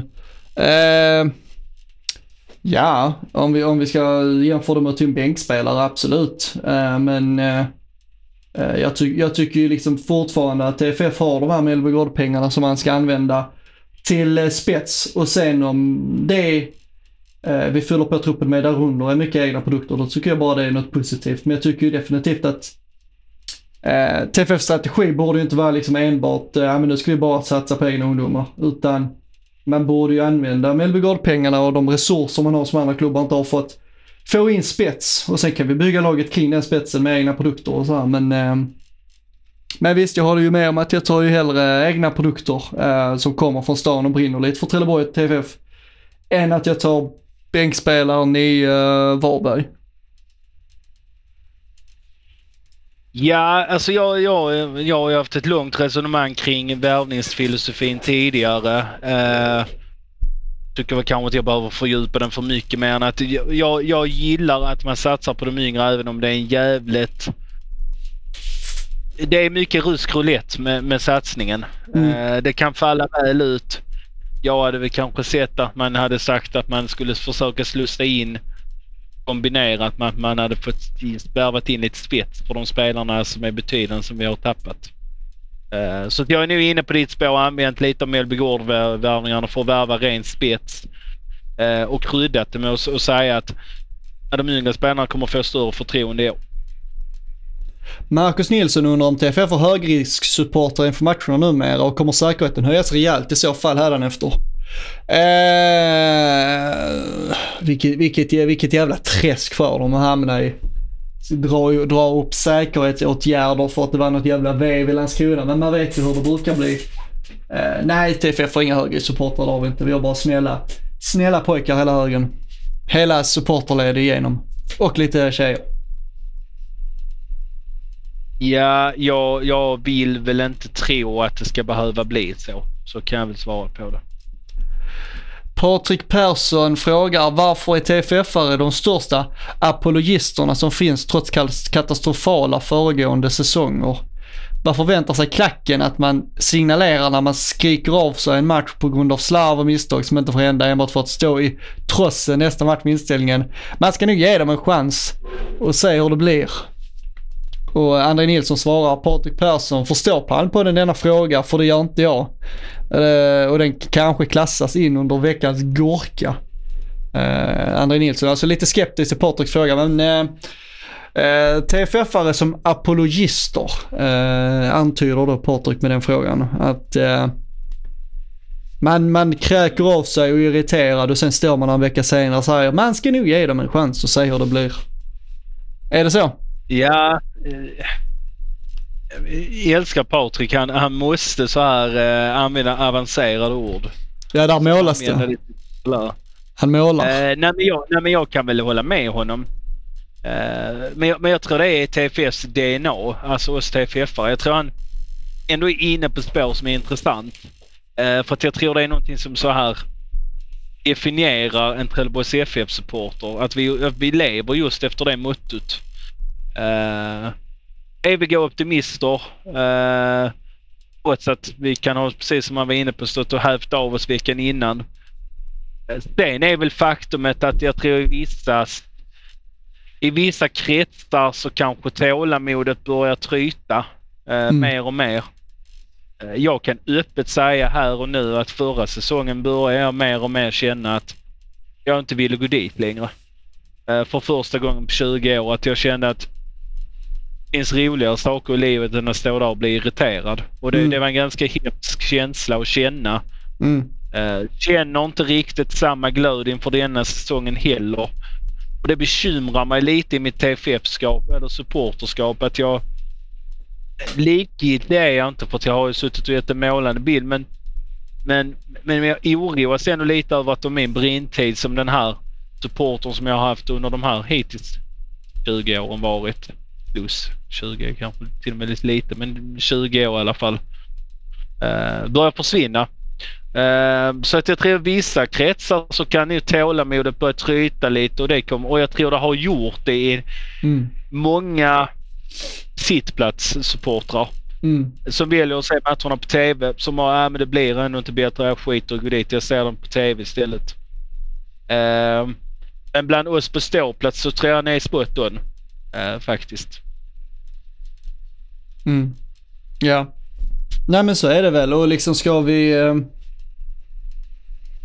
eh, jag tror att de där känslorna hänger väl också ihop att vi är inte vana vid att göra så här många år i eh, superettan. Alltså vi gjorde... Jag kan titta tillbaka på division 1-åren och tycka fan vad många år vi gjorde i division 1 men det var liksom eh, tre år. Eh, som vi var där nere. Superettan, rent historiskt har TFF gjort två år. Sen har man gått upp. Det har liksom varit i stort sett sen eh, man gick upp i Superettan första gången. Vi gör två år i Superettan, sen går vi upp i Allsvenskan, är där några år, åker ut. Två år, sen går vi upp igen. Uh, nu har vi spelat Superettan sedan 2019. Alltså det är 19, 20, 21, 22, 23, 24. Det här är sjätte året. Uh, och om vi räknar då senaste allsvenska omgången. Vi var, jag menar vi var i allsvenskan 2011. Sen var vi tillbaka 2000. 18, Det är 12, 13, 14, 15, 16, 17. Det är sex år. Det är liksom lika långt nu mellan eh, allsvenskan 2011 som 18. Eh, till- eller 11 till 18. Till vad det skulle vara idag om vi liksom var, haft allsvenskan i sikte på något vis. Eh, det, det säger ju en del. Och mellan 11 och 18 spelade vi ju liksom både superettan och division 1 så där hände ju saker. Det var ju nedflyttningar och uppflyttningar och ja, jävla, jävla vilda västern liksom. Nu är det bara i princip 12 till 6 i allsvenskan, sex år i rad. Det är klart att det tär på eh, engagemanget. Ja, det, det är väl någonstans där man landar att det är väl kanske där för, för, först och främst man landar att ja, du, du är inne på någonting som, som, som stämmer ju. Det är sjätte säsongen vi gör. Man är inte van vid det. Eh, uh, Mellby Gård-pengar som har gjort att man har blivit ännu mer ägostinn i den här serien. Ehm, och hoppats på kanske mer än vad man åkt innan. Eh, det har väl också en del i det. Misslyckade satsningar. ehm, som har gjort att det har växt fram en frustration som är större än vad den kanske någonsin har varit. Ehm, Uh, Sen om brytpunkten blir i år, det får vi väl se. Men det, det, jag, jag tyckte frågan var intressant. Bengt Möller... Man ska använda avancerade ord. Ja, ja, ja. Men det, så är det. Målar med, med breda penseldrag. Sann arbetarklass gillar vi inte sånt. Uh, gillar vi inte sånt. Eh, Bengt Möller frågar hur vi ersätter Birkic. Eh, han frågar också vad händer med Hyltoft och Mortensen? Är på väg bort eller är det privata frågor? Och ett problem med mötet med Värnamo blev högersida där Hörberg i bristande form utnyttjades, utnyttjades av Värnamo som anföll merparten av sina anfall mot vår högerförsvar. Är det tid för Björkén? Först och främst ersätter vi Birkic. Vi är väl båda överens om att sannolikt gör vi det inifrån. Egna leden, slash truppen som vi har redan. Eh, men du sa innan att jag hade gärna sett att man värvar en innermittfältare. Men sannolikt, om vi håller oss till det, så uh, intern ersätter vi väl honom.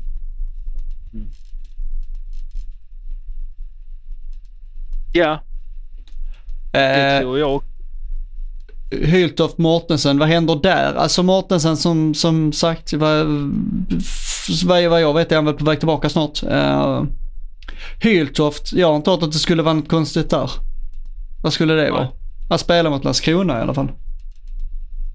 Nej, Ingen aning faktiskt. Nej, jag vet inte riktigt vad det skulle FF är lite dåliga på att kommunicera ut kring skador. Kan vi väl tillägga. Mm. Och spela här borta. Det, det ligger inte på deras starka sida det heller. Jag är kanske lite rädd efter uh, Stenmark-gate att eh, göra det. Det kan väl bli ännu värre. Ja. Eh, ska vi se här. Eh, Rolf Egon Valdén, vad händer i staben runt klubben? Målvaktstränare, massör till Mjällby. Han var väl i och för sig ingen massör, men eh, ja, skitsamma. Nu senast akademichefen till HIF. Eh, finns inte pengar till att behålla dessa. Eh, ja, eh, alltså, massör var det ju inte som gick till Mjällby. Han var väl fysioterapeut. Eh, men då är man väl lite massör också antar jag. Ja, målvaktstränaren försvann, just det. Var det också nu i vintras eller var det tidigare? Han var den första som försvann va? Och sen första Filip också. Ja, Filip lämnat och målvaktstränaren lämnade eh, båda i Helsingborg. Nej, förlåt. Målvaktstränaren gick till Helsingör. Okej. Eh, eh, Alltså jag menar, ja. vad, han- vad han heter. Lite hemskt. Abrahamsson heter väl målvaktstränaren? Jag och Patrik Abrahamsson gick till eh, Helsingör. Helsingör. Uh, återförenas med Erik Andersson bland annat där. Eh, Mm. Ja men det är väl ja. trevligt. Eh, nej, jag Kärt vet återseende inte. Jag, jag skulle väl mer säga så här att jag, jag tror att det har att göra med att, att man vill prova andra vägar i livet. Eh, jag, jag tror kanske inte det har så mycket att göra med det ekonomiska. Eh, men det kanske det har. Det, det, det kan jag inte svara på. Eh, det är ju en fråga till FF hur kommer det se ut i så fall. Om det har med pengar att göra. Varför, varför de har valt att lämna. André Nilsson frågar, vem vann egentligen fighten i det mäktiga slagsmålet och varför var 360 megakicken det coolaste som Van Damme, Van, Van Damme var het? Eh, det, det är väl allmänt känt att Trelleborgarna vann den här fighten. Eh, det, eh, det, har, det har väl liksom eh, kommunicerats som sådant att de vann den, den fighten. 360 megakicken, jag vet, jag fattar vilken han menar. Eh, det var ju hög Conor McGregor-klass på den roundhouse-kicken. Men Trelleborgarna vann den fighten i alla fall. Det kan man ju konstatera.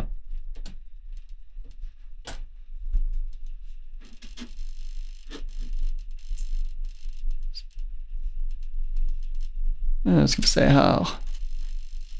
Walter undrar om podden, kommer den vara mer konsistent i år? Konsistent hur då? Undrar jag då, är det i utgivning?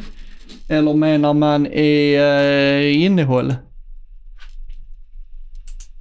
Det kan man ju, det har jag mina frågetecken om. Vi får väl se helt det kan enkelt. att sitta och fundera över. ja, precis. Fundera över det. Kan fundera över det ja. Vad är din känsla? Kommer det vara konsistent i år? Jag tror Jag, jag tror han gissar på i, utgivning att vi, att vi ska bli bättre på att släppa avsnitt. Ja, vi, jag, jag är ganska övertygad om att vi sen starten 2020 nog fan är en av de me- mest aktiva supporterpoddarna i hela Sverige, men eh, visst. Ja, våra, våra lyssnare har nog blivit lite bortskämda. Så, så kan vi nog konstatera. Ja. vi eh, andra år har, har fullkomligt ur, eh, så här, eh, spottat ur eh, oss avsnitt. Nej, men det är väl klart från, från vår sida så tror jag båda två. Det, det, det, är, det är mycket våra arbetstider som inte går ihop. That's it. Det är väl så vi kan lägga fram det. Dennis jobbar kvällar, jag jobbar dagtid. Då blir det svårt.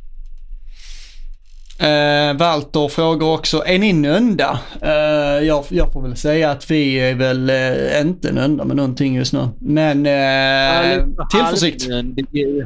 Ja, lite halvnödig emellanåt. Bara försvinner nöjdheten. eh, När man blir, eh, tittar, tittar när de spelar så blir man eh, arg igen istället. Arg i pälsen blir man. Helt arg i pälsen. Är Salle fortfarande nöjd med truppen efter Harrys lämna? Eller kommer det in ett nytt namn på skadelistan? Alltså jag, jag gillar hur starkt eh, cementerat nöjd eh, ordet nöjd har blivit i TFF-sammanhang. Det känns som det stannar kvar för alltid. Jag gör det. Eh, Salle sa för ett tag sedan att han var nöjd med truppen. Om han fortfarande är det efter Harris lämnar vet jag inte. Men eh, antar att han är det. Eh, kommer det in ett nytt namn på skadelistan? Antagligen. Vi, vi räknar väl, det, det kommer väl en långtidsskada mot Halmstad liksom. Det känns som att det, det är incoming en sån här långtidsskada. Det är väl Herman som bryter benet liksom. Eller, eller Hör- Hörberg.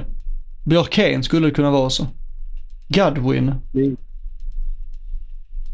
Abel bryter benet på la, eh, lagkamrat när han, ska, ska, när han urkukar. Ja. Eller Godwin in i någon klumpig glidtackling och så bryter han armen. Något sånt. Larsen skadar axeln. Det, det, det händer något skit mot Halmstad. Det, det är en, två spelare som försvinner hela året i den matchen, säkerligen. Eh, ska vi se här.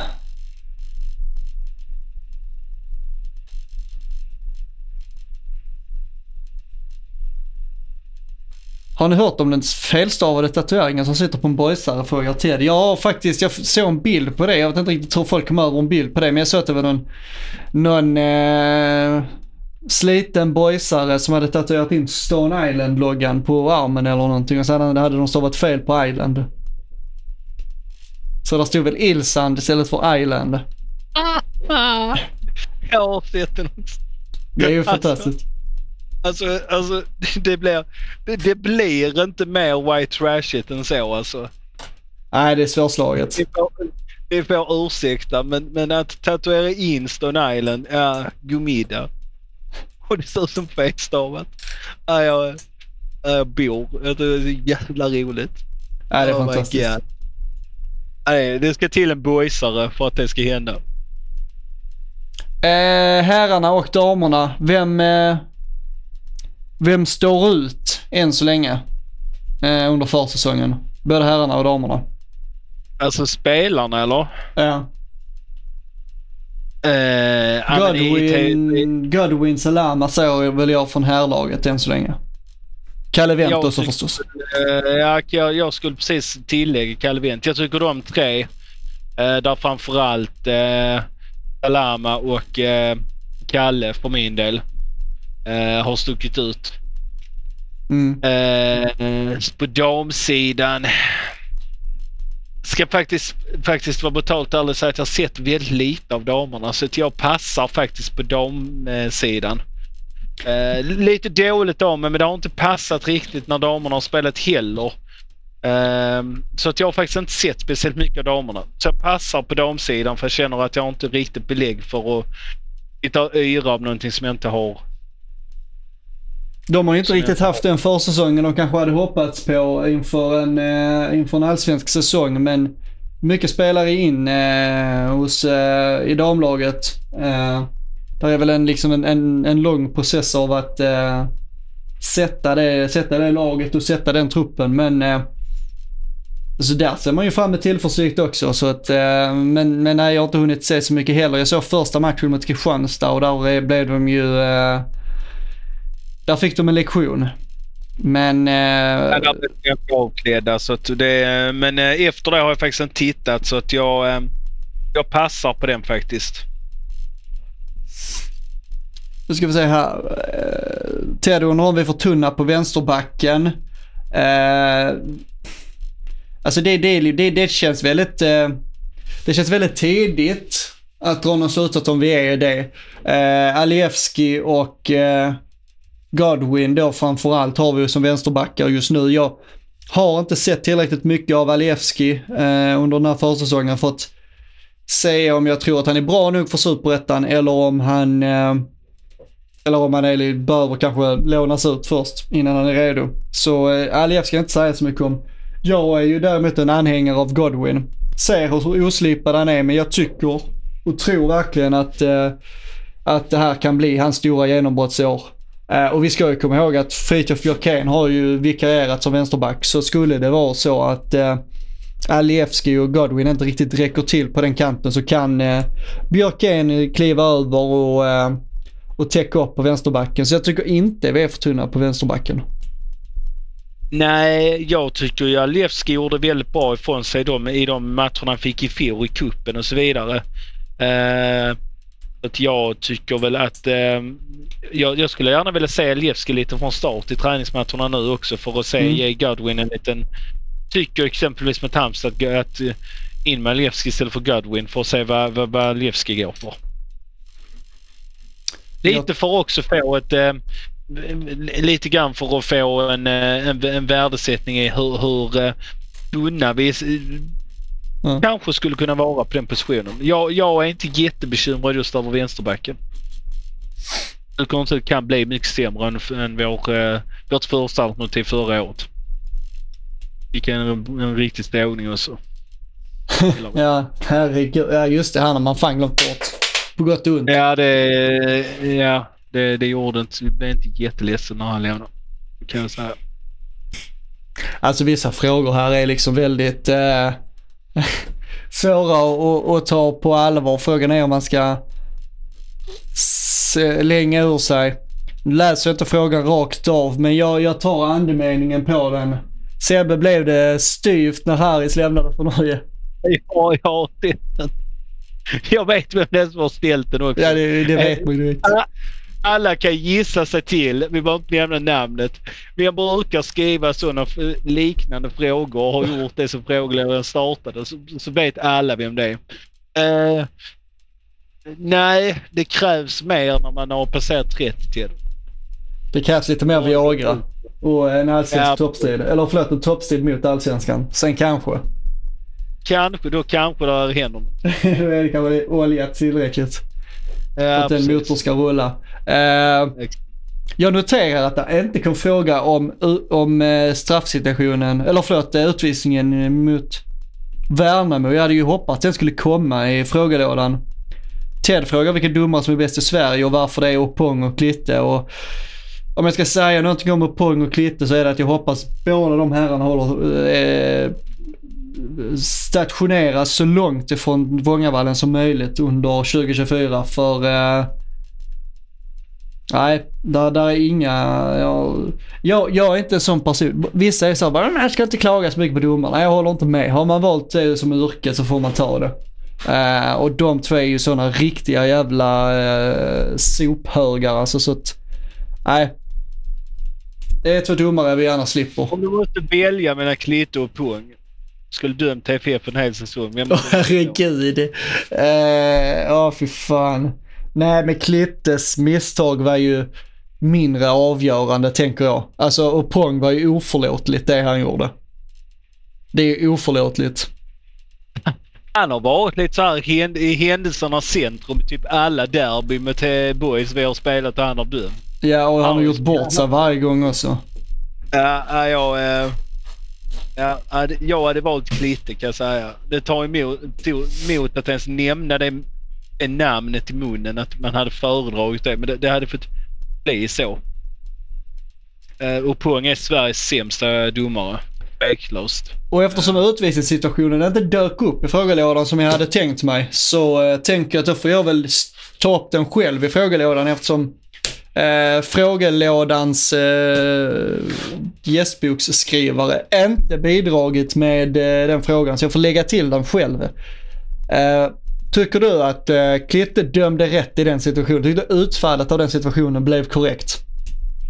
Eh, nej, alltså jag, jag, vill dela upp situationen i olika segment. Men om man tittar på situationen att Salama får ett rött kort i, i, i en situation som är dels är väldigt tilltrasslad eh, i vad som sker. Eh, så tycker jag väl att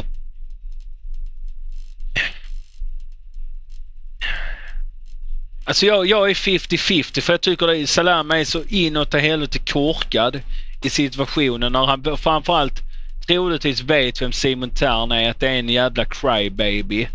Eh, ska sätta sig i den situationen, att knuffa till honom. Alla som har sett Simon Tern spela fotboll vet att det är en, eh, en jävla crybaby som spelar över när han får tillfälle.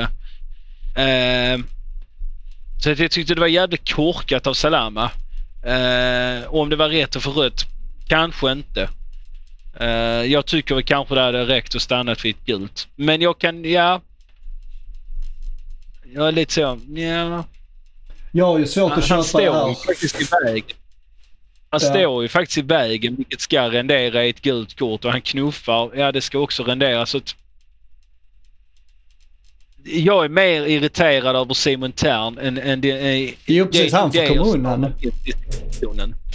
Simon Tern beter sig som en jävla fjolla och en jävla crybaby och slänger sig precis som han har blivit skjuten. Eh, och beter sig som en... Ja men som ett barn Mm. en man, en eh, vuxen mans kropp. Ehm, det är väl kanske det jag störde mig mest på. Ehm, jag tycker det är så jävla onödigt av Salam att sätta sig i den sitsen. Um, där behöver han vara kyligare. Vi Mm. har inte råd med sådana utbrott under säsongen. Um, och Salama behöver lära sig någonting av i den här situationen att fan jag, jag blir förbannad får jag nog lägga band på mig själv. Annars blir det problematiskt det här året. På det sättet kanske det är skönt då att den situationen kom redan nu. Så att den inte kommer när Superettan har dragit igång och det är liksom viktigare matcher. Nej, jag tänker som ett derby mot Boys exempelvis där det kan... Där, där, där hettan har skruvats upp känns det som eh, med, med, med, med dylika situationer som har hänt under sista åren. Mm. Eh, Där lag ligger ganska nära varandra sportsligt, alltså resultatmässigt. Eh, Och, det har pyrt fram en liten rivalitet där får man fan säga alltså. Ja, men det har det. Eh, jag, tror det och jag tror det är likadant från deras sida. Jag tror att realiteten har blivit starkare. Att vi har gjort ett par år tillsammans nu. Eh, utan att konkurrera. Nu, nu, har, nu har ju Landskrona HF också. Eh, men jag tror att det sticker lite för dem precis som, precis som det har för oss att förlora. Eh, sen har de inte förlorat mot oss på länge, ska tilläggas. Eh, Så ett derbyvinst mot Boys eh, bokas in redan nu. Ja, min känsla för den här utvisningssituationen, det som gör mig mest arg, jag håller med, man, man kan argumentera för att Salama ska bli utvisad. Han blockerar frisparken, eh, det, får man inte, det får man liksom inte göra. Eh, jag, jag kan köpa det. Sen tycker jag ju kanske inte att knuffen, alltså jag menar, jag, jag tycker väl kanske inte det är så mycket knuff som att det är att han liksom lyfter upp händerna, mm, gör någon typ av markering med sina händer. Jag tycker ju, jag tycker ju svårt att hitta ett kort där, men det, det kan man väl göra. Alltså jag menar, där är, där är andra situationer när det är fula tacklingar och liknande och spelar liksom, spelare samlas in, samlas in klunga för att liksom, ja men när det blir lite tjafsigt. Där det är händer som flyger för- kors och tvärs och så, där det inte renderar kort. Uh, jag hade köpt om Salama hade gått in så här som vissa spelare gör, när de liksom sätter pannan mot huvudet på en motståndare. Alltså när det är de situationerna och som, render, som det blir liksom en, ett rött kort i. Eh, den här situationen har jag desto svårare för. Jag, jag tycker så här, det som provocerar mig mest med det är att ja, man kan argumentera för att Salama ska ha, ska ha dubbla gula utvisning. Det som stör mig mest är att, det är att man gör inte ett case överhuvudtaget på Simon Tern. Alltså jag menar, Simon Tern i frustration drar iväg liksom ett så hårt skott han kan på och skjuter en boll på Salama. Alltså jag menar visst var, jag var, var, var irriterad hur, hur mycket du vill över att han blockerar. Men Simon Thern drar ju liksom iväg en sträckt brist vrist rakt på Salama. När han står en halv meter bort. Och jag, jag förstår inte hur man som domare kan se en spelare göra så och inte tycka att det är gult kort i så fall. Att du drar iväg liksom en, äh, i, i frustration över vad en motståndare... Alltså, hur hittar man inte ett kort i att göra så? Alltså jag menar det kan ju omöjligen... Det måste ju vara någon typ av just sportsligt uppträdande från hans sida. Och göra en Ja. sån sak. Och Ja, sen att ja, förstärka som han gör, det är väl också ett gult kort. Att slänga sig så tydligt. Det är väl också gult kort på att göra sådana förstärkningar. Alltså, man kan göra ett case för att Salama ska ha två gula och rött, absolut. Men då, då, jag tycker inte att man kan glömma bort andra sidan av samma situation och det är att man kan, man kan definitivt göra ett case att Simon Tern ska ha två gula och rött kort också. Skjuter bollen stenhårt på Salama och förstärker. Ja. Det hade kanske varit det mest, mest logiska och rä- rättvisa situationen. Men jag förstår inte hur man som domarteam tänker när man ser Simon Tern skjuter allt vad han kan på Salama i frustration. Och så ser man han göra det och, och, och- och det blir ingen, ingen åtgärd, ingenting alls. Alltså hur kan man se den situationen som domare och tycka att nej men det där var ju schysst gjort. Det är inga problem. Nej, jag... jag det jag tyckte det var så jävla sinnessjukt att... att jag, jag, är, jag, jag tycker vi pratar mycket, mycket om att vi ska få bort filmningar inom svensk fotboll. Då, då tycker inte jag det är, är, är, är legitimt att Simon Thern inte får någonting. Jag tror det mesta av en rättvis värld hade varit att båda hade åkt ut. Att Klitte Mm. bara ut med er båda två. Ni har inte här inne att göra. Nej men det är ju så sjukt. jag- Alltså, jag- jag menar vad, vad är värst egentligen om, om man ska titta på det från liksom en varningssituation. Vad är egentligen värst? Att Salama blockerar frisparken eller att Simon Thern medvetet försöker skada Salama, vilket jag tycker att man definitivt kan argumentera för när han skjuter på honom på det sättet. Ja. ja nej, Alltså jag menar, tänk om den bollen träffar högre upp och, och träffar Salama rakt i magen och tar andan ur honom liksom. Eller träffar mellan benen. Ja. Alltså, Ja, och där kan man ju diskutera. Ja, om den hade gjort hade blivit rött då, ja kanske. ja men det, det, det, det ska ju inte förändra det. Nej, nej, nej, nej, absolut inte. Absolut inte. Men jag tror att det hade kunnat vara så. Ja. Men det är ju fullständigt uruselt att som domare eh, se den situationen och alla de sakerna som händer och bara bestraffa en spelare. Alltså någonstans Ja, tycker jag att man ja. framför, me- mest av allt som domare brister i sin objektivitet. Ja, man kan argumentera för ett rött kort på Salaman, men det kan man fan nog man göra på Simon Thern också och det är det som provocerar mig mest. Att Salama får liksom all bestraffning i den situationen. Det tycker jag är direkt Ja, men så jävla stendumt av eh, Fredrik Klitte och hela den här grejen. Ah, man, ska inte vara hård på domare, bla bla bla. Ja, men byt jobb om ni inte tåler det då. Byt jobb om det blir så jävla, om ni tycker det är så jävla jobbigt. Det är mycket på spel och Fredrik Klitte gör ett, i min mening, helt avgörande misstag för utfallet av den matchen. Och då måste man som, som supporter i det drabbade laget få lov att tycka att eh, han är fullständigt dum i huvudet. Det är, eh, är väl också min eh, spontana åsikt. Så det är väl, eh, det, det är väl men- framförallt men, det jag ser av den situationen. Men det blev en låsning.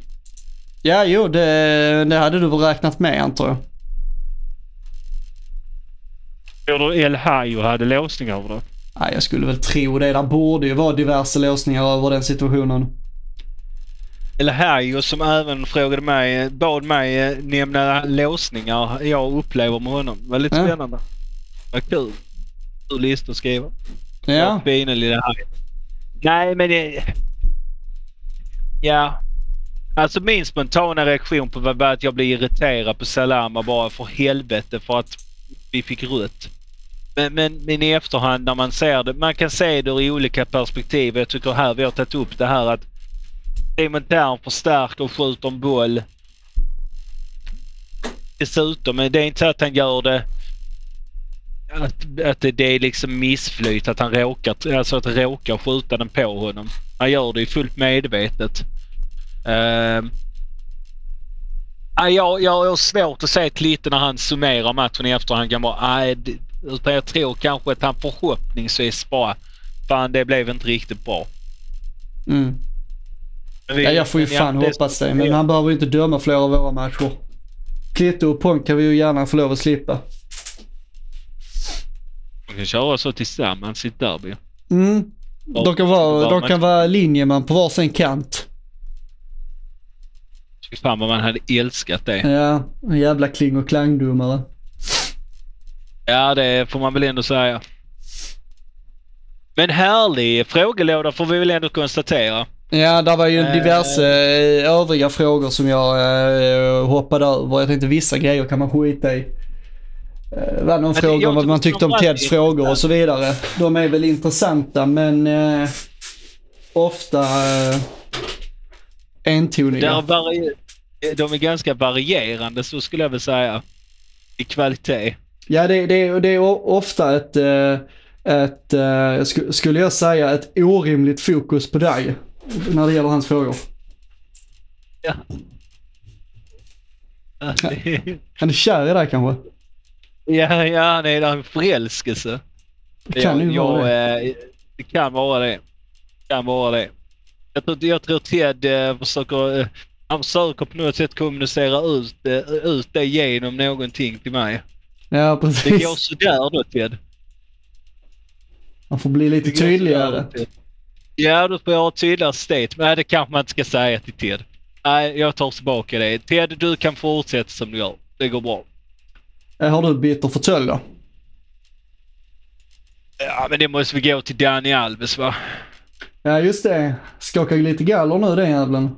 Ja, men alltså hela den härvan kring Dani Alves som, som har varit stått åtalad för att våldtagit en tjej på en toalett i Barcelona. Åklagarna yrkar väl på 9, får 4,5. Eh, Det var väl inte så bra att han blev fälld. Eh, Uppenbarligen finns ju beläggen för att han skulle fällas och bevisningen. Eh, Ja, man får ju utgå från det. intressant är faktiskt att, att en så stor profilerad eh, idrottsman faktiskt blir fälld. Uh, den här typen av brott. Och, och faktiskt får ett, ett, ett fängelsestraff som ändå varar ett tag. Eh, det hade väl Ja, blivit tre ja. månader i Sverige. Ungefär. Ja, jag, jag vet inte hur, hur det är med den typen av brott, men jag vet att det har diskuterats förr att vissa typer av fängelsedomar verkställs inte i Spanien så får du under en viss tid så kan man typ omvandla det till böter på något vis. Jag vet inte hur det funkar med eh, över fyra år för ett sexuellt brott. Jag antar att eh, jag åker in på det, men jag vet att de har haft lite det var ju prat om det en gång i tiden i alla fall för när eh, Messi dömdes till fängelse för något skattebrott i Spanien och där man, där man liksom ganska snabbt efteråt sa att nej men eh, spansk lag eh, gör att han inte behöver sitta de åren. Utan man betalar väl, betalar sig väl fri eller någonting på något vis via böter. Hur som helst så eh, rättvisa skipa där så det är ju bra. Eller Eh, Fredrik Litte. temat låsning eh, så har Dennis... Eh, har Fred, ja, nej, men han kan väl få sitta där. Teos följetong kan väl behöva sitta där också. Deras jävla, det jävla slagsmålet. Men fra, nej, Fredrik Litte. Ja. Jag satt ändå och mös lite över att Theo hade låsning på slagsmålet i Landskrona. Men det var ingenting med Fredrik Litte som jag mös av. Men eh, jag tänker vi kan väl ändå summera lite grann kring det här eh, Walters fråga. Att vår, vår, vår tanke är ju att vi, vi ska försöka släppa så mycket avsnitt som möjligt. Eh, ligger i en problematik som jag nämnde tidigare med tiden att, att få det. Eh, bosatta i två olika städer numera också. Eh, det- gör det lite svårare så att eh, ha lite tålamod ibland när det tar ett tag. Sen tror jag rent generellt när säsongen drar igång att det blir mer frekvent igen. Eh, där finns betydligt mer att prata om. Eh. Jo precis, vi är lite i försäsong. Eh, det är lite Alltså, försäsong nu. Ska vi släppa Eh, flera avsnitt? Ja det skulle vi kunna göra men vi hade ju inte haft så mycket att prata om. Nej, exakt. Och, och då, då känns det lite så här andefattigt att göra det. Eh, vi vill ju ha så mycket som möjligt att prata om. Uh, sen så tänker jag att jag... Uh, där är vissa segment jag ändå skulle vilja ha tillbaka till när podden börjar. Dennis öser på är en. Uh, Eh, den saknar jag. Jag satt tänkte på jobb idag. Den saknar jag. Det, det Ja. får bli en påösning eh, det här poddåret. jag får fixa Jag det. gillar det ändå uh, Dennis öser på. Jag gillar eh, det segmentet i podden. Uh, sen Mm, får vi jag väl det. lite mer segment under poddåret. Uh, vi landade ju inte riktigt. Jag har ju ändå en tanke att, att försöka, eller någon av oss lägger ut en sån här fråga som vi ändå gjorde kring Hans Birkic. eh, om, eh, om hans betydelse, om han kommer saknas i Trelleborgs FF. Eh, jag tänkte faktiskt att jag skulle gå in i det- detta nu och kolla. Just det, Sen vi har ju den kvar för fan. Det ska jag inte glömma. Nej, nej, vi har ju känt att vi glömde bort det lite, men man kan ju ändå nämna den. Eh, om vi stänger det caset nu, eh, som jag ändå tycker vi gör, så på ja-sidan var det 52 procent mot nej-sidan på 48. 48. Så det, så bevisar väl lite grann kring vilken vattendelare han är. Eh, Mm. Alltså två, eh, sex röster emellan. Eh, Ja men det är väl Ingen- lite Haris Birkic över det. det känns ju som det verkligen gör ett tydligt statement över, över Haris Birkic. Eh, och det är väl lite grann lite en sån fråga vi kanske klämmer in lite under poddåret. Eh, det skapar ändå ett intresse. Eh, sen är det såklart nu inför säsongen tänker vi får väl eh, ge oss på en inför superettan och eh, lite gäster och sånt här. Eh, förhoppningsvis kanske sportcheferna vill eh, vara med. Johan Bauer och Salif Kamar Jönsson. Det hade varit kul. Eh, Har väl våra tvivel kring en av dem, men vi hoppas det i alla fall. Det hade varit väldigt kul. vi hoppas det. Ja, de är ju såklart hjärtligt välkomna båda två. Eh, Stående inbjudan. Absolut. Absolut. Men var det några kommentarer på eh, frågan om Harris? Nej, utan jag ställde det som en ja eller nej-fråga. Okej, det var ingen som la någon Eh, kommentar under den. Nej, jag tror faktiskt inte det. Och det var väl inte... Nej, det är det inte. Det var inte riktigt tanken med det heller utan det var nog mer att om man... Så här, magkänsla. Det är lite det jag vill åt. All right. Uh, vad folk tänker och tycker om saker på så här studs. Fair enough. Eh, om du hade fått rösta Dennis. Tänkte jag la inte in min röst i det under för att... eh, för att... Uh, försöka, försöka påverka. Eh, alltså, eh, truppmässigt, alltså, saknar Harris. Jag menar, han är från Trelleborg. Spelat, eh, han har spelat i någon annan klubb än TFF, kommer från hela, hela sin fotbollskarriär. Det är klart att man kommer sakna det. Eh, men jag tror inte han kommer vara så saknad på planen kanske. Det är klart att han gjorde 10 poäng förra säsongen. Det, är- det är ju bra, men Alltså Kalle Wendt på gång underifrån. Eh, Karim, Sade, eller Karim Hadi Saleh som jag fortfarande tror framförallt är värvad till att spela centralt. Eh, jag tycker väl någonstans att på planen så ska vi väl inte sakna han så mycket. Där känns det väl, tycker jag i alla fall, som att vi har eh, vi har spenderat i princip hela försäsongen med att förbereda oss för ett liv utan här. Så där, där, där tror jag vi kommer klara oss. Eh, så att nej, vi kommer inte sakna Harris. Vi ersätter honom. Eh, jag eh, tycker du är inne på ett intressant spår. Eh, Det är tudelat Hussein. Eh, En del Ehm, Inga Tarres är egenfostrad, eh, bara representerar TFF. eh, Som gör att man ändå känner att fan, där, det kommer saknas en bit om ingen, om ingen av våra yngre spelare tar den platsen. Eh, Men det har varit för mycket trubbel kring Harris. Eh, För mycket negativa eh, kommentarer laddade kring Harris. För mycket skit man har hört om Harris. Eh, och jag tror Harris kommer må bra av en flytt så att jag svarar nej på den. Kanske återförenas med Simon Amin. De verkar bli goda vänner när de var lagkamrater. Ja. Jag vet inte var han spelar i Norge men eh, de... Eller Sandefjord. Han har nu haft en långtidsskada ser det Ja. ut som. Eh, var inne och tittade lite grann. Tråkigt i så fall. Eh, men stod skadad på eh, diverse hemsidor när man tittade. Så här, under en fem matchers period. Så att säkert på någon långtidsskada. Tråkigt. Men ja.